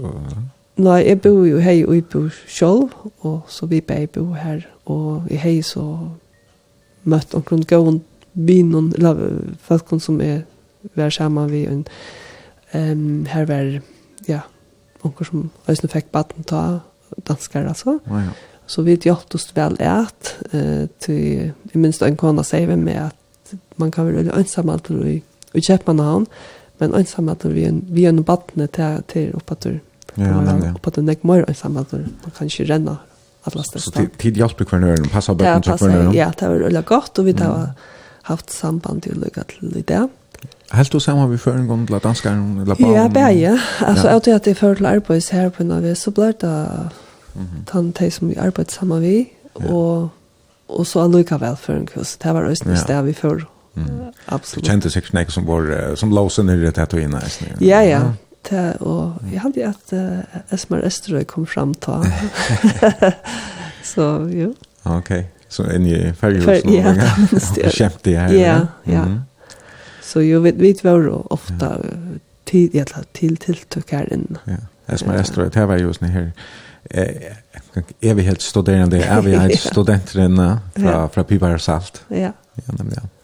Men som du grädde fra, så da Martin var tre år, så valde du så å flytta alt etter Ja, altså jeg, jeg skjønte som vi snakket om å skulle fære alle mulige stedene, men altså skjønte ja. det man er ute på alt, så begynner man da å ha et annet fokus, og det var ordet viktig for meg at han, han var et sted her som han heier, og sånne nøkker, nøkker rundt han om seg, og, og det var her i følgen til vi, vi er så en familie som som er tøtt, så han hei fløyre vaksen ja. øsne om seg vi har flyttet alle farger. Okay. Var etter hver, da, så er det alvhemsen noen ganske. Ja.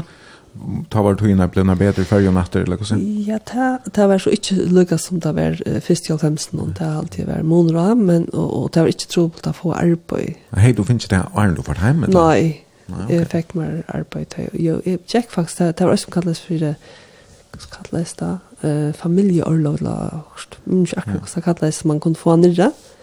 Så jeg tok oss inte og så flott jeg hjem, og så hei hej faktiskt farløyve i i min lunch där var. Da finns det tøyna några mannar och ja, så för ett lärpås och til lukka av dølt, nils graska dølt. Så fra en lukka er dølt av Fredriksberg hospital til lukka er dølt i fyrrjum, ja. var det storm måneder?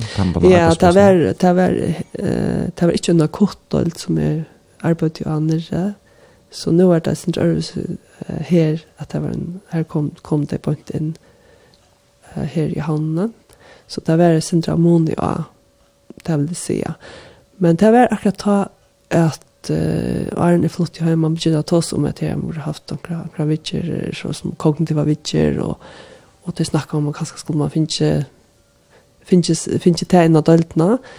Så da vi kom, og da jeg flott i heim, så møtte jeg en ære, Johan Andreasen, som også arbeidde av av to døltene, og vi begynte å ta oss om vi skulle for å få organisere utbyggingene. Og vi får så nyer i først i 2000, og begynte å ta og för så för oss nyr att at tacka det her. Och det har alltid varit som man säger det, life changing. Det har vært helt örvis att uh, affär att arbeids att at jeg finner ikke hesar här forløkene. Ja. Smak för något. Ja, ehm det är sånn, det som det gånger ute på att hjälpa folk att få innlitt och i sina tankar, kjensler, kropp och, och ät för gudstingen hänga samman. Mm og at man har noen møllager at arbeide vi sin og tanken og sin, og ikke minst sin er i etfer. Og det, det gjør det bare alle måneden at, at kunne, kunne arbeide mer medvist vi hesten her, vil jeg si Og jeg synes ikke lærte vi samråd, samrødteknikk og, og sånt, og at vi, vi utbygg kvinnene. Og så var vi så heppna att släppa att arbeta vi projekten eller verkatlan här i psykiatrin här som vi för att undervisa och hava böcker av sjuklingon bäge och immun till dessa mysko diagnoser ötta depression och borderline hade det isne och så isne skizofreni och så för ut igång till avvända böcker och så att för vi att undervisa starfolkon så det var en otroligt spännande tog här som vi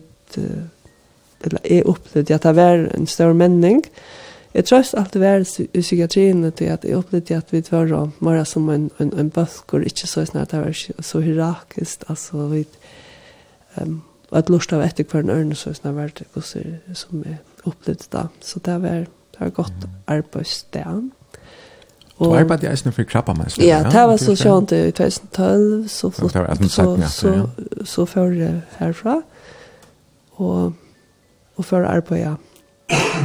arbeide et, et skifte i krabbamannsfellene, men åren til hei jeg vært uh, og arbeidt sammen, eller hjelp, kan man kalle det så.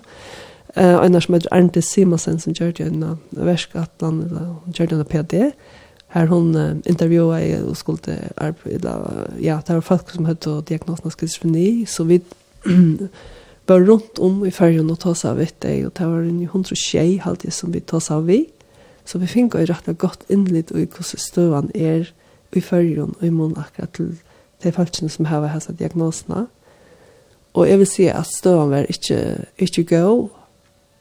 Det vil si at de høtte og for så vidt nesten ikke, ikke til på de, de bo hjemme og et eller annet kanskje onker bo i ansamhandler, men høtte ikke noe særlig at at uh, agera og og till alla flest och som annars kanskje hadde haft uh, skola eller var gong til akkurat da det ble sjuk, det kom också mycket gång att så så her er det og her var det og det er til å være en øyelig større mangler akkurat av tog økene i färgen. Ja men sjøen det, hvis vi ikke etter psykiatrien, så, så er det gode ting også i hend og det er ikke lykke tabubelagt som det var da jeg byrja jo i psykiatrien. Det er sinte mera Jeg pleier å tenke til å dømme at uh, siste min, hon hon er fysioterapeuter, og det hun, det vi dvår ångstande, hvis det var en føringer der, så, så halda folk seg ikke atter vi å spyrja om okkurst at det er viktig knæene, eller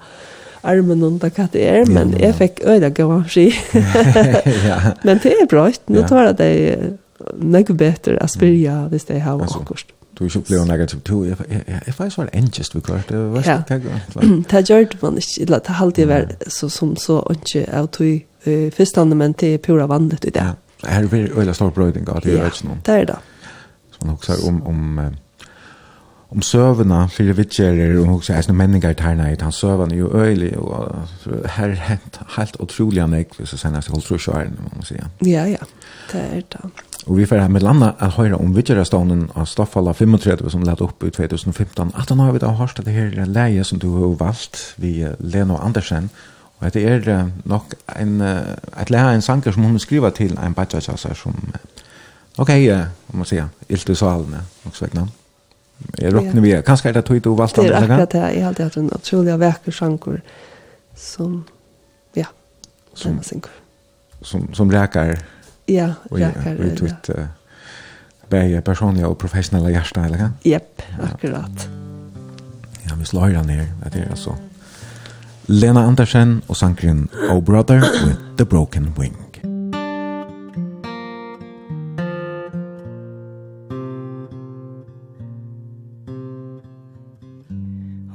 brother with your broken way. You says mom I can't fly but I'm learning to sing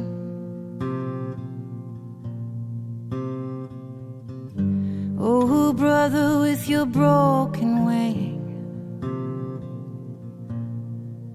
You've got a feather so fine and a voice so clear.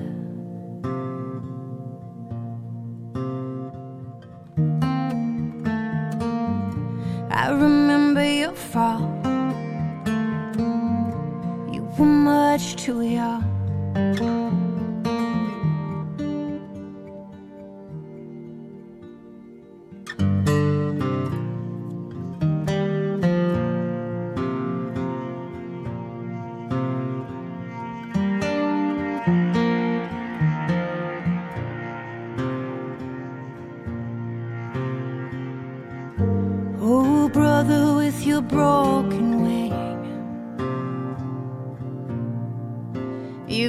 sin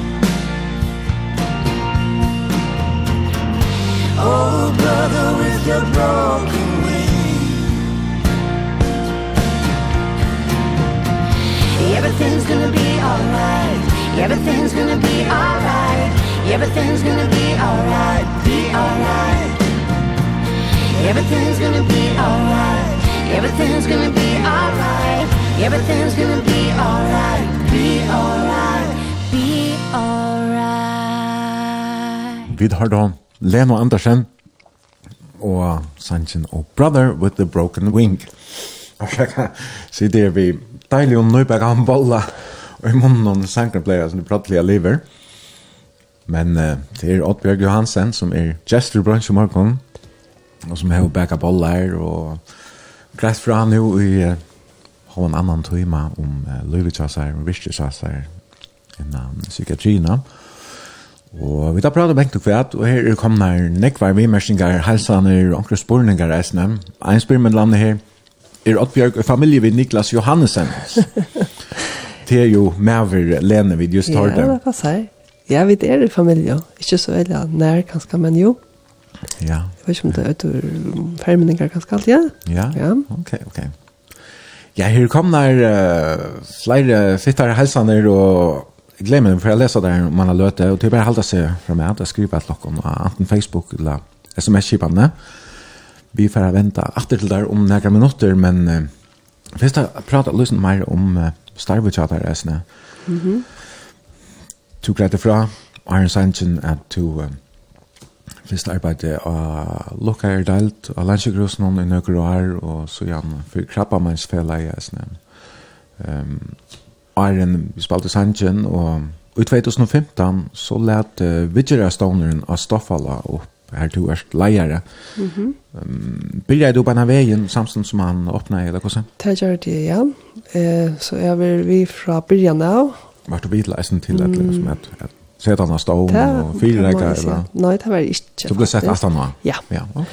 Det var noe som som uh, ja, det var faktisk um, några som arbetade här på att ungdomsvia Kina, Becca Perlik och Anna-Elisabeth Iversen som uh, som bör och rättligen uh, när vi tar fra, fra början av och kom vi uppskott Gustav kunde så ut och så hette jag Anna Örstje om att uh, affär in i ett samstarv jag får ett där i lä. Det är så att det var några ung folk som uh, som blev og innlagt etla vår etla fire, og høtt og tørv og omkron og sinte mer enn det som, som psykiatrien kunne bjøve. At det tørv og at det her var et, en, en, et vidtjere på 8-4 eh, psykiatrina. Og, og det er sånn det er noe som vi da ser i, i nekk og er østene til snakka. Og, og det var utrolig godt at det, det så kom i le, og det blir i 2015, og Og det er så plass for fem, og det kunne godt være flere plass, men det er det som, som ja, er. Fem bofolk. Fem, ja, bofolk, og det kunne være her i mest alle det tre år, og det er mellom 14 og 23 Og det som man uh, arbeider vid, til er her et, et miljøterapeutisk tilpå her som man uh, hjelpe dem at uh, kjipa deg inn og, og få stabilitet i livet etter, og komme i gang etter vi livet, og så fære vi er herfra til at uh, kanskje komme en uibo, eller uh, eller mm. onker kanskje fremme men komme i gang etter vi skola, arbeid, eller, og frutjærutgiv, og alt det som hører til et vanligt liv, ja. ungdomsliv. Så jeg synes Stonen, altså han er, for det første er fire ung, ja så är han under allmänna växterna och, ja. och så att jag står för jag lofta dem som kommer ur psykiatriska deltarna och Ja, det är alla för det är inte allt som har inlagt men det har hava samband ja. och och hava törv av en en en tøyar skal i ganske en sånn stående. Ja, en sånn utslusing altså ja, man kan lofta dem. Ja, det kan man kalla det. Ja. Jag jag kommer ihåg som Fountain House som är snär på en annan måte skulle vara är snäga för att ett ställe som du kan vara här du utan att du är inte inlagd där men ja, men du är stadigt inte helt miss samband ja. Det passar. Det det är så där helt annorlunda här och som bor här det är bara släppa affärer. Det är mer röst där som man hör folk så arbete och komma och ja. gångt att vi tar. Ja. Men ehm um, här så här falskene som som som lever här det ska så lära sig. att vara själv efter och kunna leva ett ett vanligt liv. Ja. Og du var kosen Orsens sjukrektarfrøyngar i 2020, og en av grunnkjøvingene med Luka kan lese her, det er at du av semje søkjant i hot, det vil vise at best til urslit vil røtjen om arbeid vil flerfaglet og tvørster om geirar. Mm -hmm. Og det er nok det som jeg har liksom her til flere for vil hevja fram, altså vi vil kjente uh, stånden og stoffala, at uh, att han är en nøybrot ångsvegna till at det er samstarv mellan psykiatriska depelen och allmanna verste och kanske eisne är er instanser. Ja, ehm det er uh, utrolig viktig att vi vi samstarva och det er det som ofta är oss ikke tro på men vi har ju imiska expertiser och och samman kunne vi kunde vi bli ordentlig gå. Och jeg har ju inte varit i psykiatrina för så så på tammat han känner jag ett här som innan från ösna självt om det sikkert ösna några ting kan se han är för härifrån och och så nu är ju i allmänna versionen så jag husar att la är håller till vi tar bara bruk för en öron och så hvis vi tar skolan så är det nog så vanligt att man får gläser och här håller jag kan se att att um, att vi tar finns eller goa vi för mottag och tar ger avkasten så tar makt för jag får att ettnast. Goda skulle jag rösta. Här är en autismeflocker. Ja. Läser. Här är då här är en autismeflocker och det som vi står för att det är inte det här som folk i autism och byggva eller det är inte atla til det här till folk vi, vi imskon psykiatrskon ja. eh, avbjøvungen, uh, og hvis man til glæser og æsne ærer, ærer uh, min nam til et la og sori og sånt her og æsne serflokk, men det er mer folk vi menningatarni og øren sosialen avbjøvungen. Ja, så det manglar- ja. det kallar det her, ja. Ja, Så, men det manglar eh, uh, akkurat skipa kjipa i mån til akkurat hendan bølgen som, som er ombøye. de som sagt gjør akkurat hva de kunne for at det skal etnast, men jeg vil si at de har bruk for som, som jeg da, men har bruk for som kørmen som de som er i autismefløsjen og få, eller hava, og mm, jeg husker at vi er så små på, at vi kunne ikke for hava en flokk til hver diagnose, vi er nødt til at hava karmanar, og så, så søker de inn i det som hava ønske og tørva at du, du til for til om du hever skizofreni eller du hever ADHD eller så, så er det sikkert at du ikke er gang i en sånn plotje men som vi kunne kanskje ikke gang i skolen utan de kom i en sånn flokka mm -hmm. så her er et arbeid etter at jeg vet at det er en arbeidsbalkor som hever arbeid vitt og jeg er vanlig at det er for at det er for å komme akkurat godt ja. bors ur og Og det er ikke akkurat de som er og ståfalla som er og ringa stidla ut. De hava jo starsfolk som kunne, som er og vån at arbeida og få samstarva vi, vi lærer og, og så videre. Men det er, det er mer at henne som er og som bygger heima som ikke er og i samband vi kanskje allmannverst og så videre som allikevel ikke hatta seg kanskje og i skola tog jeg karman ikke er til, mm -hmm. til tarra. Ja. Du nevnte firmaer Da vi tar oss sammen for at det er en at i måneder av omstøvende av menninger tar navn, i måneder til de som er salerlig etla fire, og til dem skizofreni. Ja, det er nok til at de menninger tar navn, altså her, de har haft et øyne størst fel, og det er, det er ordentlig nek godt som er til, av tilbånd til han bøtjen i Ivsjø, at de er øyne hoksa er okkur som manglar, men det er så av en lengt av mal til okkur, og jeg hoksa at vi skulle bare, uh, Alltså är är inte för han den där bulten som som jag följer om på i att de ösnen kunde få några eh ja, bättre karmar och omstöver så att de ösnen kunde kunde hava en skipa i en gåan där och och och komma att uh, att vara pastor av av samfällan. Mm. Så det är ganska det har en en en långre söv av lokal i färgen att handen det att jag gossar då att øyla vel. Og kanskje psykiatrien er det akkurat, ta, ta mangler kanskje ångt en, en rødt, og det er ikke lukka kjøta, og det kanskje ikke lukka nevnta for ut og tåsa fyrir deg, så her er okkurst. Ja, så her er nok, nok å gjøre. Ja, så her er det, altså, her er det avbjørnger innan psykiatriske øtje i fyrrjon.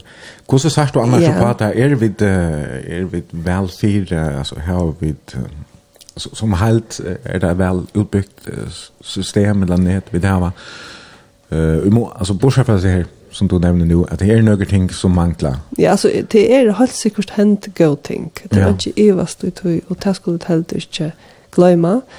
Eh men det är några ting som kunde göras än bättre. Vad det kanske det som är mest område Jag husar alltså det kanske blir det synd att snacka vi hugg på till så fallet att det är folk som som som man sier ikke, nu husker jeg kanskje de som er og mora støvut sjuk, at de øsne få en, en, en gøyvann daglig det.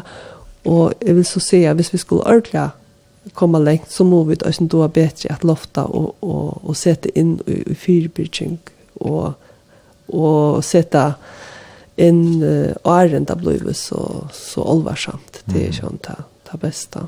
Lattar, kjøtt hjelp og gøy hjelp, som man pleier å si. Ja, nemlig, ja. Ja, her er, her er flere halsaner eisne fra Falkon som uh, var veri vitcher. En skriver her, Oddbjørg er så sera donalig og menneskelig. Halsan fra bipolarare kvinno er haft gagn av kognitivare vittjer, tja, Oddbjørg.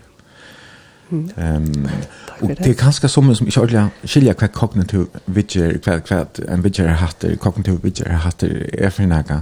Så du greier for at jeg hjelper folk til å få innlitt og hvordan tanker, handling og atferd henger sammen. Ja, og øyne lukkast det hva det er vi at man får för undervisning i, i sjukene, så är det man ja. skiljer sjukene och då att täcka ätligt till eh, där avbjörnkar som, som kunde fyllas vi, så är man ja, ja. det är öst en pastor att och, mm. och känner andra på kvart hur diagnosen är och man så arbetar. Mm.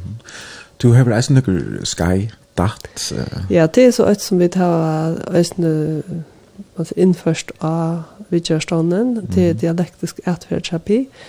Det är heter allt tror jag sjön då känner jag psykiatrin och till det här som som man har haft ut i altså jeg skal det noen, og det er godt at det er folken som som er innlagt det uppleva det där kommer i samband vi vi er servitör at det är så også kan at jeg kan så halte av frem til at jeg kommer ut av til de stående tjokken. Mm -hmm. Og Og det er ja, hvis vi tenker hva, hva datt er, så er det noen forløkker man, man lærer, og det er noe vi oppmerksomme, og relasjonsforløkker, og kjensleregulering, eh, regulering og, og så videre. Og samståndes øyne at man teker eh, det man kallar det for kjedegrøyninger, her som man eh akkurat analyserar støver her som enda vi at man kan skal dem sjølskeja i eller gjør det okkur som ikke var så heppe, så lär man via hitje etter hva var det som hendte i alle min æren jeg kom til at de skjer med. Ja? Og så neste før man kommer inn en luknende støv, og så, så, så kanskje man hever, så har man lært at jeg skal liksom, dreie av æren i ferdig helt nye her. Ja, okay. Så det er en øyligende struktureret over måte at uh, arbeid på her som folkene er i, uh, at de unge er i bøtje øyne fra vikene, og så har det en datterapeut øyne fra vikene. Så det er, og så, så skolating øyne, dattskolating. Mm -hmm. Så det er, og det er jo kjærlig vel. Hver er annars det mest utbredte salerlige troblager mellom de unge Alltså, ja. Og er det her örbus i det här i mån til fyr? Alltså, döms ötti och depression är ganska Man har ju ödan äggen ötta och angest. Ja, det är det som är sån nog så, nog så vanligt i ungdomsåren ösne. Det börjar ofta ta. Og er det här som er, er det gammalt eller er det något Ja, det är nog värre. Allt värre. Allt värre, ja. Och sån bara till att man är mer öppen om det och mer fokus att så så är det ösne mer legalt att komma fram ut sjån du, om det er møyre av du det enn det vær, det tar jo ikke å sitte her og påstande, men det går så tøl ærastes som viser at det er tyverre fløyre som blir få forskjellig. Hva er vi, dømmes, tropleggen som etingar åla stoffmissnusla er det eisen ega som som skapar troplegger eller sjuka? Ja, ehm alltså det er skjønt, det er også noe som, som Er det meira av edingar og i det? Det er du ikke å si, nei. Det er veldig også helt at du tar arbeidet. Man sier. Men hette er så sjuker som er, du kunne være sånn til ringer at stedfesta, vi også en unger som sitter i en skolaflott, og kanskje hever edingar ola. Ola. Mhm. Ehm, hever så ordentligt några andra tillbå enn att skulle vara samma vid ett lönrum som er frusk. Eller hva? Altså, Og det skulle det nok øsne, til jeg tar et det ganske akkurat som møtstøvner som er, er utroplær, og, og sånn fikk og hva er årsaken til at de eh, hever seg tropler kan man øsne røyne at, at, at færre noe, ja, og, og hjelpe dem vi, men annars er det godt at eh, hvis de kunne være i, i skola og, og, og gjøre at mm. livet er et mer almindelig liv, men sånn hvis det blir øyelig alvarsomt, så må de innlegges. Og, og det er lukket som hukkbordene, ja, stånden, och bittra stånden och stoffet, at det är det ska leva som normalt som möjligt ja. och jag er först när vi tar sån också om går gjør, vi ska skulle det få undervisning inne skulle hetta og hette in i stånd men vi kommer kjøtt vekk fra att til å få det ut av vanliga livet och och man kallar det för stivvis exponering att man får spekla långt och långt ut utav pura vanliga livet. Och här det nästa ting att ta hand om och ta kan allt för att gå så förfärman något som blåst loivatter, vinner løs som kanskje er og ferne sinter vekk. Eh, ja. Hvordan får man et godt samskifte ved familjerna som kan være i sommer for en trobult og er at vi gongt av alt til seg eh skole, eller hvordan vi økonomi, då man har større sin økonomi, så det er så øyligende, omfattende, det som man skal arbeide vi. Men det er tydligen mye at man arbeider med, hvis vi øyne ned, og at man samstarver vi øyne som er om hendan unga. Og det er så alt fra psykiatri til skola, til foreldre, til, ja, og alt mulig annet som de uh, gænga mm. til, eller for å få, ja. Og uh, vi får spille ett stort läge att rätt. Ja. Och vi för att uh, läsa hälsaner och annat gott som är kommer av sms-kivan skivande 2400 och Facebook syn uh, brunch. det var B R O N S J Det blir till att skriva framvis. Men vi får lucka att uh, att lusta efter Tamara. Ja. Och hade här ju spilt det nytt. Jag hörde ju i Joar uh, att det läs att AP3 eh rasen heter Tamara Radio. Här uh, vann uh, Tamara en kapping om uh, ja, det er denne OS oppkommer, altså om at det var ta mest avhåverda, nutja navn i hesa vikna, og her var hon altså nummer ett. Så det var rett og godt til henne, spennende å fylle henne. Hvor er du valgt just Tamara? Altså, det jo... Ja, jeg halte bare Tamara, da, altså, jeg er jo stolt av sånne unge kvinnen, så, ja. ikke bare unge, men ja. kvinnen i fyrjen som, som då vel at gjøre tøgnløyk, og hon er en av tøgnløyk yngst da, Sera, Sera, Donnelly og doer ja beige or og lø og jeg halt ikke minst den atter den der røtten som er helt ser mest. Ja. ja. Pura samtidig. Her hører vi Tamaro og Nujaleje, Solo Crowd. Don't you know I see you looking at me Recognize it from my daddy You don't wanna see me happy You don't wanna see me happy You don't, don't wanna see me do shit But I fell in love with myself in the music Can't you tell I'm through it waiting Bleeding from these bare hands Never dealt a fair hand keeping on and on I'm praying. Can't you see I'm demon slain? So done with the lane. They must think I'm fucking playing yeah, You got me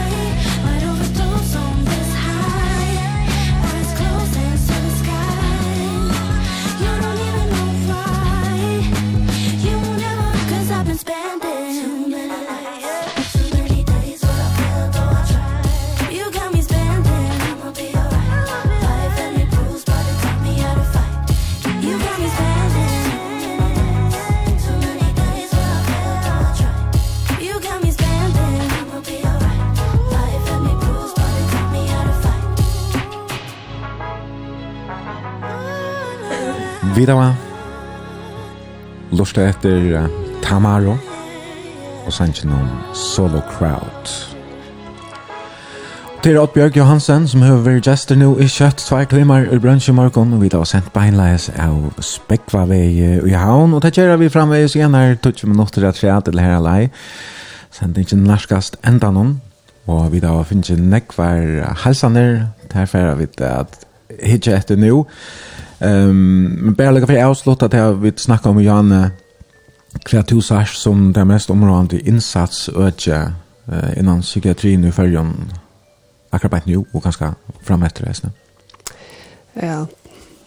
Mm, ja, det är en god spurning. Jag husker att uh, det som är nämnt här, att vi uh, här var också uh, gott uh, tillbå så att uh, folk som här var, alltså, som är sin vil det si værende sjuk, at de øyne har akkurat at kom opp til og, og kunne være akkurat for de andre øyne. Og så ikke minst at, at, at hoksa mer fyrbyrking og at vi, vi setter inn eh, sammen eh, og på den måten kan kunne lofta eh, ungen fyrr og ikke bare så sånn slett av lydsyndro og så er det at jeg ganske må komme inn og stoffe alle til det er en 22 til at det ikke ordentlig har finnet til rødt og hjelp noe ærene. Mm -hmm. Så jeg håper at, at vi uh, ikke vil være så nøye om, om noen år. Ja.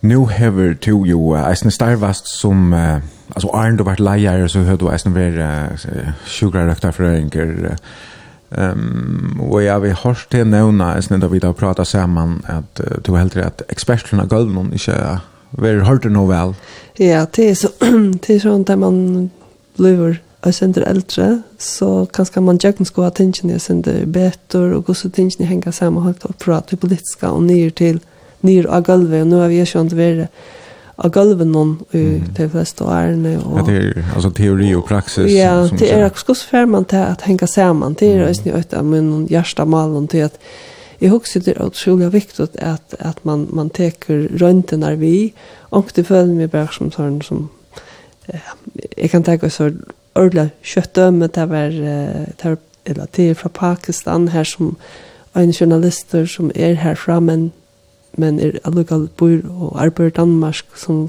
som grøyter fra at her er sånn jeg vantløv og Og folkene, de lokale folkene, de sier at det er av et mulig folk hver og sagt hvordan de skulle gjøre, og til er og granskere, og til er fra Hemsbanken, og til er et mulig som, som har så sagt, og, så de skulle bygga dämningar och til å kanske kanskje for få elektricitet och få vatten till till gröje Men så visste det sig att det helder inte och och och det har varit så vanskelig, och det är en rävlig troblöjt i det. och det som, som hessen øyne säger det var att att experterna tar kunna mata ånda, men vi skilja ånda, og vi liva ui ånda, og tog er det utrolig viktig at, at, at vi har hørt øsne. Og det hos er, er galdande i alle stedene, at uh, det er viktig at man setter arbeidsbøkker, at det er folk som doba og har skil for gransking og for uh, alle mulige, men det er også viktig at de som, som har vært, vært ute og liva ja, og arbeidt ui økken, kanskje, at de øsne, vi har tidsen vi på rad, och kanske släppa i bøkene til at um, ja, eh, ein hever kan ikke klara seg utan hina, og her, hvis vi lykker at bare nå akkurat hever granskinkar, rai det er at her, ja, til hever um, vusendavøka. Ja. Det er en måte at få kunning og hvordan vi må til gransking, og til her Annika Selvara, og til gjørst et rett flott arbeid, og jeg husker at, at uh, att vi skulle kanske då bättre att få tingen i hänga samman. Och sen från skola, hvis man också har 20 år från skola, följa att man inte sitter ända vid att sitta folk och göra någon tajme som är så så lengt om man för praxis men hur så får man det hänga samman mm. alla min nior och ja. upp så bättre samstarv mellan instanserna og ståndarna ja Det er det, er, det, ja. Det er noe som du vil arbeide av, hvor er vi? Ja, men jeg, jeg halte at jeg vil ikke gå takk at, vi, ikke, at vi ikke kunne samsvare til det kunne vi. Ja, ja. ja. Stoneren som tikkum vidtjer av stoneren her Stoffala er jo at en solskjøn søva veldig tidsen som et et godt døme om hvordan godt han kan genga ta i instanser eller stoner arbeider sammen, her som for allmanna verste og, og landsjøkrus, ja, sikkert atskredeplen. Ja. Mm -hmm. Nå, Oddbjørg. Her er det kommet en nekv sms på, og her er kommet flere helsene eisen av Facebook-søen i Kjøbrunch. Og der er det veldig heitar. her er det nekv som, som sender Peter helsene. For jeg leser nekker etter om. Han skriver her... Jeg har kjent Oddbjørg så gjerne først i 2000, da vi starvet oss av del 2, Alltid gå i ravun, sigelig, stuttlig og framur donalig, var vi til å lyfta faglige støye, med landa vi at undervise okkom starsfolk. Mm. Så har du helt inn noen innanhuses skeier reisning og haft undervisning? Ja, det har gjort vi det gjør noen år at, at undervise starsfolk, ja. Mm -hmm en annan lustare skriver så deilig å høre rolig røttene av der i morgen gå åt Bjørk. og det er kanskje, er det noe som er naturlig, eller noe som er du har vant til å arbeid av der, har en rolig rødt? Um, jeg halte at vi er noe rattig og rolig i familien, så det hadde sikkert arvet litt. ok, ok. Ein annan skriver her, Esne, lust vi stod i nøyren, stora firmynden innan psykiatriska sjukrarøkt, så deilig å høre om tunna første i Esne. Mm skriver en lortare. Takk, takk. Og etter en annen skriver her, Oddbjørg hjelper meg da jeg var langt snirre vid depresjon. Et fantastisk menneske, mildvis og hjelpende. Og hun gav meg anbo som jeg enn bruker kvendt nå i ved 20 år siden. Takk, Oddbjørg, skriver jeg snirre. Mm. Lortare. Takk for det sjå. Ja, det og... Um, eh så er det noe helt annet her. en som spyr, hva er det beste landet du vil vite og för du er jo färdast den rikva Er det noe som du uh, kan dreie fram om om Mm så det var en, en, en trobel spørning. Ok, Du kan huske om han har løtt det, hvis du ikke noe svær klart. Det her er så noe annet jeg har jo å lese. Jeg skriver, er lort til vi står, og nøyron, alltid godt av lort, er det jaun aldri noen oddbjørg, helsan hon som bor av skak nian fra Sjåmansheimnon. Det må være, i Ronavik. Og en annen skriver her, god morgon, Eifon og oddbjørg. Hun alltid lort til hun hentra vekra leia leiermorgon, Deilt at kjenne di Oddbjørg, njóti tutt spekliga linte, tunne kloke sjåna mi, og tutt jarva dirve. Og ikke minst er du sier kjentelig og stortlig. Jeg har lært nek hva der. Takk for det. Klem fra en av dårstare her. Ja, Rosan Djør. Ja, og en annen skriver her. Du er fantastisk at Bjørg stortlet at minnes gamle dier, som du veist minnes det er det meste, men hei ikke du har fortalt det. Du skal bare lese det her 18 år, så kan du sitte og kanskje kjenne du telefonnummeret. En annan skriver her, Oddbjørg var en overføre bøllspillere, et fornøyelse å spille vi og imot henne. Mång frukaster vi gøtejeg for vi å spille flåbølt, stortlig og inkluderande. Ja, ja. Ja, det er alltid det. en annan skriver, jeg snir av og versta lust etter gå, og Bjørg, man høyrer den han lona humoren 18-4, du så vel er greia fra. Gåar og stortligere tøyer av B6 og 5, jeg vet ikke om man, hvis det er B6 5, jeg vet ikke. Vi fem av fjärs. Det Ja, ja, fem av fjärs. Ja, ja, har du vi tagit lärt det. Ja, det var. Ja, ok, Ja, ja, så det var det check. nei, nei, nej, det var. Her er nog ikke arbeid, men Ja, jeg er, ehm er eisen ein som skriver, jeg var så heldig at arbeidet sammen vi Oddbjørg i 1906 og for tjeje fors, og han var sere stortlig arbeidet sammen vi. Det som gjør det største inntrykk av meg var at Oddbjørg alltid var så positiv, og ikke tog seg ringt om nækran, men alltid fann okkur godt vi ødlom. Jeg vet det ikke. Ja. Ja, ja. Ja, det er det. Ja, ja, men det är Folk folk tar nu det hör nu att att komma med några rosor til till det. Det er gott. Så är det en som skriver. Jag minns väl underarmskotten i Det Där rått ju om å være världen som varje spelare. Ja? Så det här är gott. Har underarmskott som handbollsspelare. Ja, ja er, er uh, en skriver Oddbjørg, tusen takk for alt som du er for ødler noen om det, du brenner for psykiatriske ødsene og har skil for deg, så start eier du sjølvandig av er av overste råka her som øtsjå det er Ja, bjørn jo. Ja, ja. Nei, jeg skal bare ha hørt, jeg ser det overste. Ja, Ein halsan til Oddbjørg, som er vekrasta menneska i kjenne, hon tror på at ødla og mølag at det er godt og virkelig liv. Det føver år som er nevnt til okken ødlen å sida, vi vi si at sia vi gera men Oddbjørg har gjort så et lønt og olent arbeid prekva at det er veldig vire og jeg vil. Ja, det er ikke ja. Ja. Det var nok altså en hetta var veldig Så ein sindra olent spurning her. Ja. Hvordan gonga vi sjeikom? Jeg takker av den er kjent Det er det det må man skriva privat hvis man skal ha TV. Ein skriver her, har du öll haft gå på mot som Ottbjørg, så hentet nekve fyrjon, så deilig komprimiles og djørv. Vånande får vi ivet ikke omkring ut og ikke halsan en partner in crime.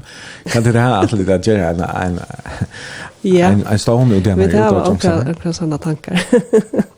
ja, Ja, ja, det er ganske slett så godt. Oddbjørg er så sier at donalig at veleie og stoleie av folk, vi saler lion av bjørngån, en av fyrver jeg tenkte av øtta og depresjon, er om alltid til at jeg skulle teka sertralin. Mm. Ja, jeg vet ikke, kjenner ikke det? Ja, ja, det er det, Ok.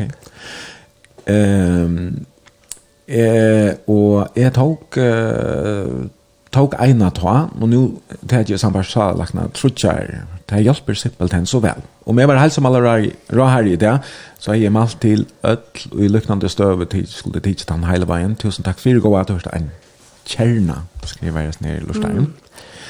Du yeah. vet kanskje ikke akkurat hva det snurr seg om? Nei, altså, jeg, jeg husker bare til at det, det tror på å si at ødl yeah. det er rettelig individuelt, og ja. Tema sjålande vidtjørast, uh, ein og ein. yep. akkurat etter hva tar man hever. Mm -hmm. Men godt å høre at for vi kommer ikke til å være akkurat det rette, ikke så? Ja. Ja, uh, Meira? Ja, jeg har hatt nok, nå nok. Men jeg må... Uh, Oddbjørg er så fitt, og så ser jeg vel egnet til sitt arbeid. Alt det beste er ikke en avværende. Ja, jeg hadde vi for at... Jeg hadde vi for at jeg hatt av hver til. Tøyen tjokken, hun lengst av ferden. Vi er ferden, jeg synes du er dum. Klokkan er tøtjen mot i 12. Ja. Annars så hade vi kanske eisen i alla vi skulle prata sent mer om uh, under AHA om mal så där du du kan ofta biograf uh, ja, ofta sälja där filmspelare. Ja, ja ta dem mer. Vi ska filma. Mhm. Ja, det är mer där smölle filmarna kanske. Det är så go filmer ta mig kväll. Ja. Och så apropå det här vi Shaikons Mockelsburg. Alltså gång du ofta kafé i Kosvär. och till konserter och till stök så Fyrläsare och annat, det kommer ja, väl att, att uh, ja, mera virsten och period. Jo, mm -hmm. det är nog så jag var färdig till alltid, till dyr och gosser. Ja, ja. ja. det är det. Vi pratar vad om familjen lite så chatta jag börjar vi och jag är snett att utriv du hever då utriv men hur så tid tid det har var också felaktigt det en en rabarbergär. ja, det är vi har ju en svavel som finner på förskället så vi tar en barbegar, det har vi saman her om man fyrir tja, tja mamma, och og til hos, altså. ja, till ja. hos, och till akkurat fyrir tja mer, så att jeg huxar ofta när jag vill at möjligt men det kommer ikke det, så det är gott att man gör också mm. felag, så det har vi snackat om andra ting vi kunde göra bara så och det är ja. rettelig hona det, ja. vil. Så har man också en, en knaka lukka som er, man ja. sast i mitten. Uh Och så mamma du lever liv väl Ja, hon, hon klarar sig Ja. Og og bor i Ronavik. Og, og da jeg kom inn, så er det akkurat som alltid, at jeg slanger meg i en stål, og hun bjør meg å drekke meg. Ja. det er litt just som det alltid er. vært. Man får akkurat som i rollen.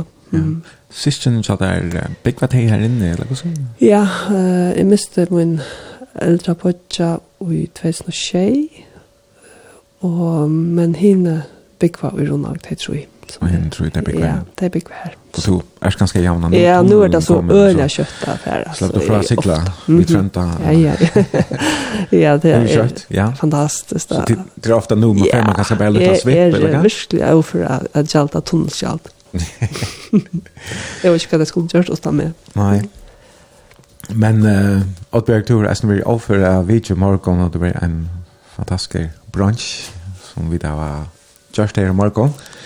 For jeg takker deg for nøybekker jag bollar og kaffe og en sera hundelige løte og en godt prat. Det er så vel. Men uh, vi enda jo i en sanje. Ja. Og um, etter så, ja, nå hørte vi Jodi og Ola som var grannar mm -hmm. her i, i Ronavik, men ja. hette så en granne her i havn som för ja. för att ända sent inte. Ja, det är Magnus Johansen som bor i Aspekva i Ösne och är en fantastisk tonläggare som vi också skulle bli gjort till bortstra. Vi känner hej vilja ta, men ta bestämmer jag inte. Men han är så gos vi gjort ett ordla veckorsla, Amandas tanko. Ja. Og jeg vil også nødt til å høre å takke at de tykker som jeg har skrivet etter, ja, iverveldende, må jeg kalle det. Uh, takk for det. Ja, hetta var altså til vi tatt at borre jeg vi bransja hesa fer Jesper Oddbjørg Johansen en annan fer. Takk fyrir Oddbjørg. Ja, jeg tar ikke selv. Jeg er Eifen Jensen, og bare jeg at vi brunch sammen med noen gjester kommande leger der klokkan fem minutter i Vitutje. Vi enda altså vi Magnus Johansen og Lennon Amandas Tango. Takk til oss som lurer og godt vikeskiftet.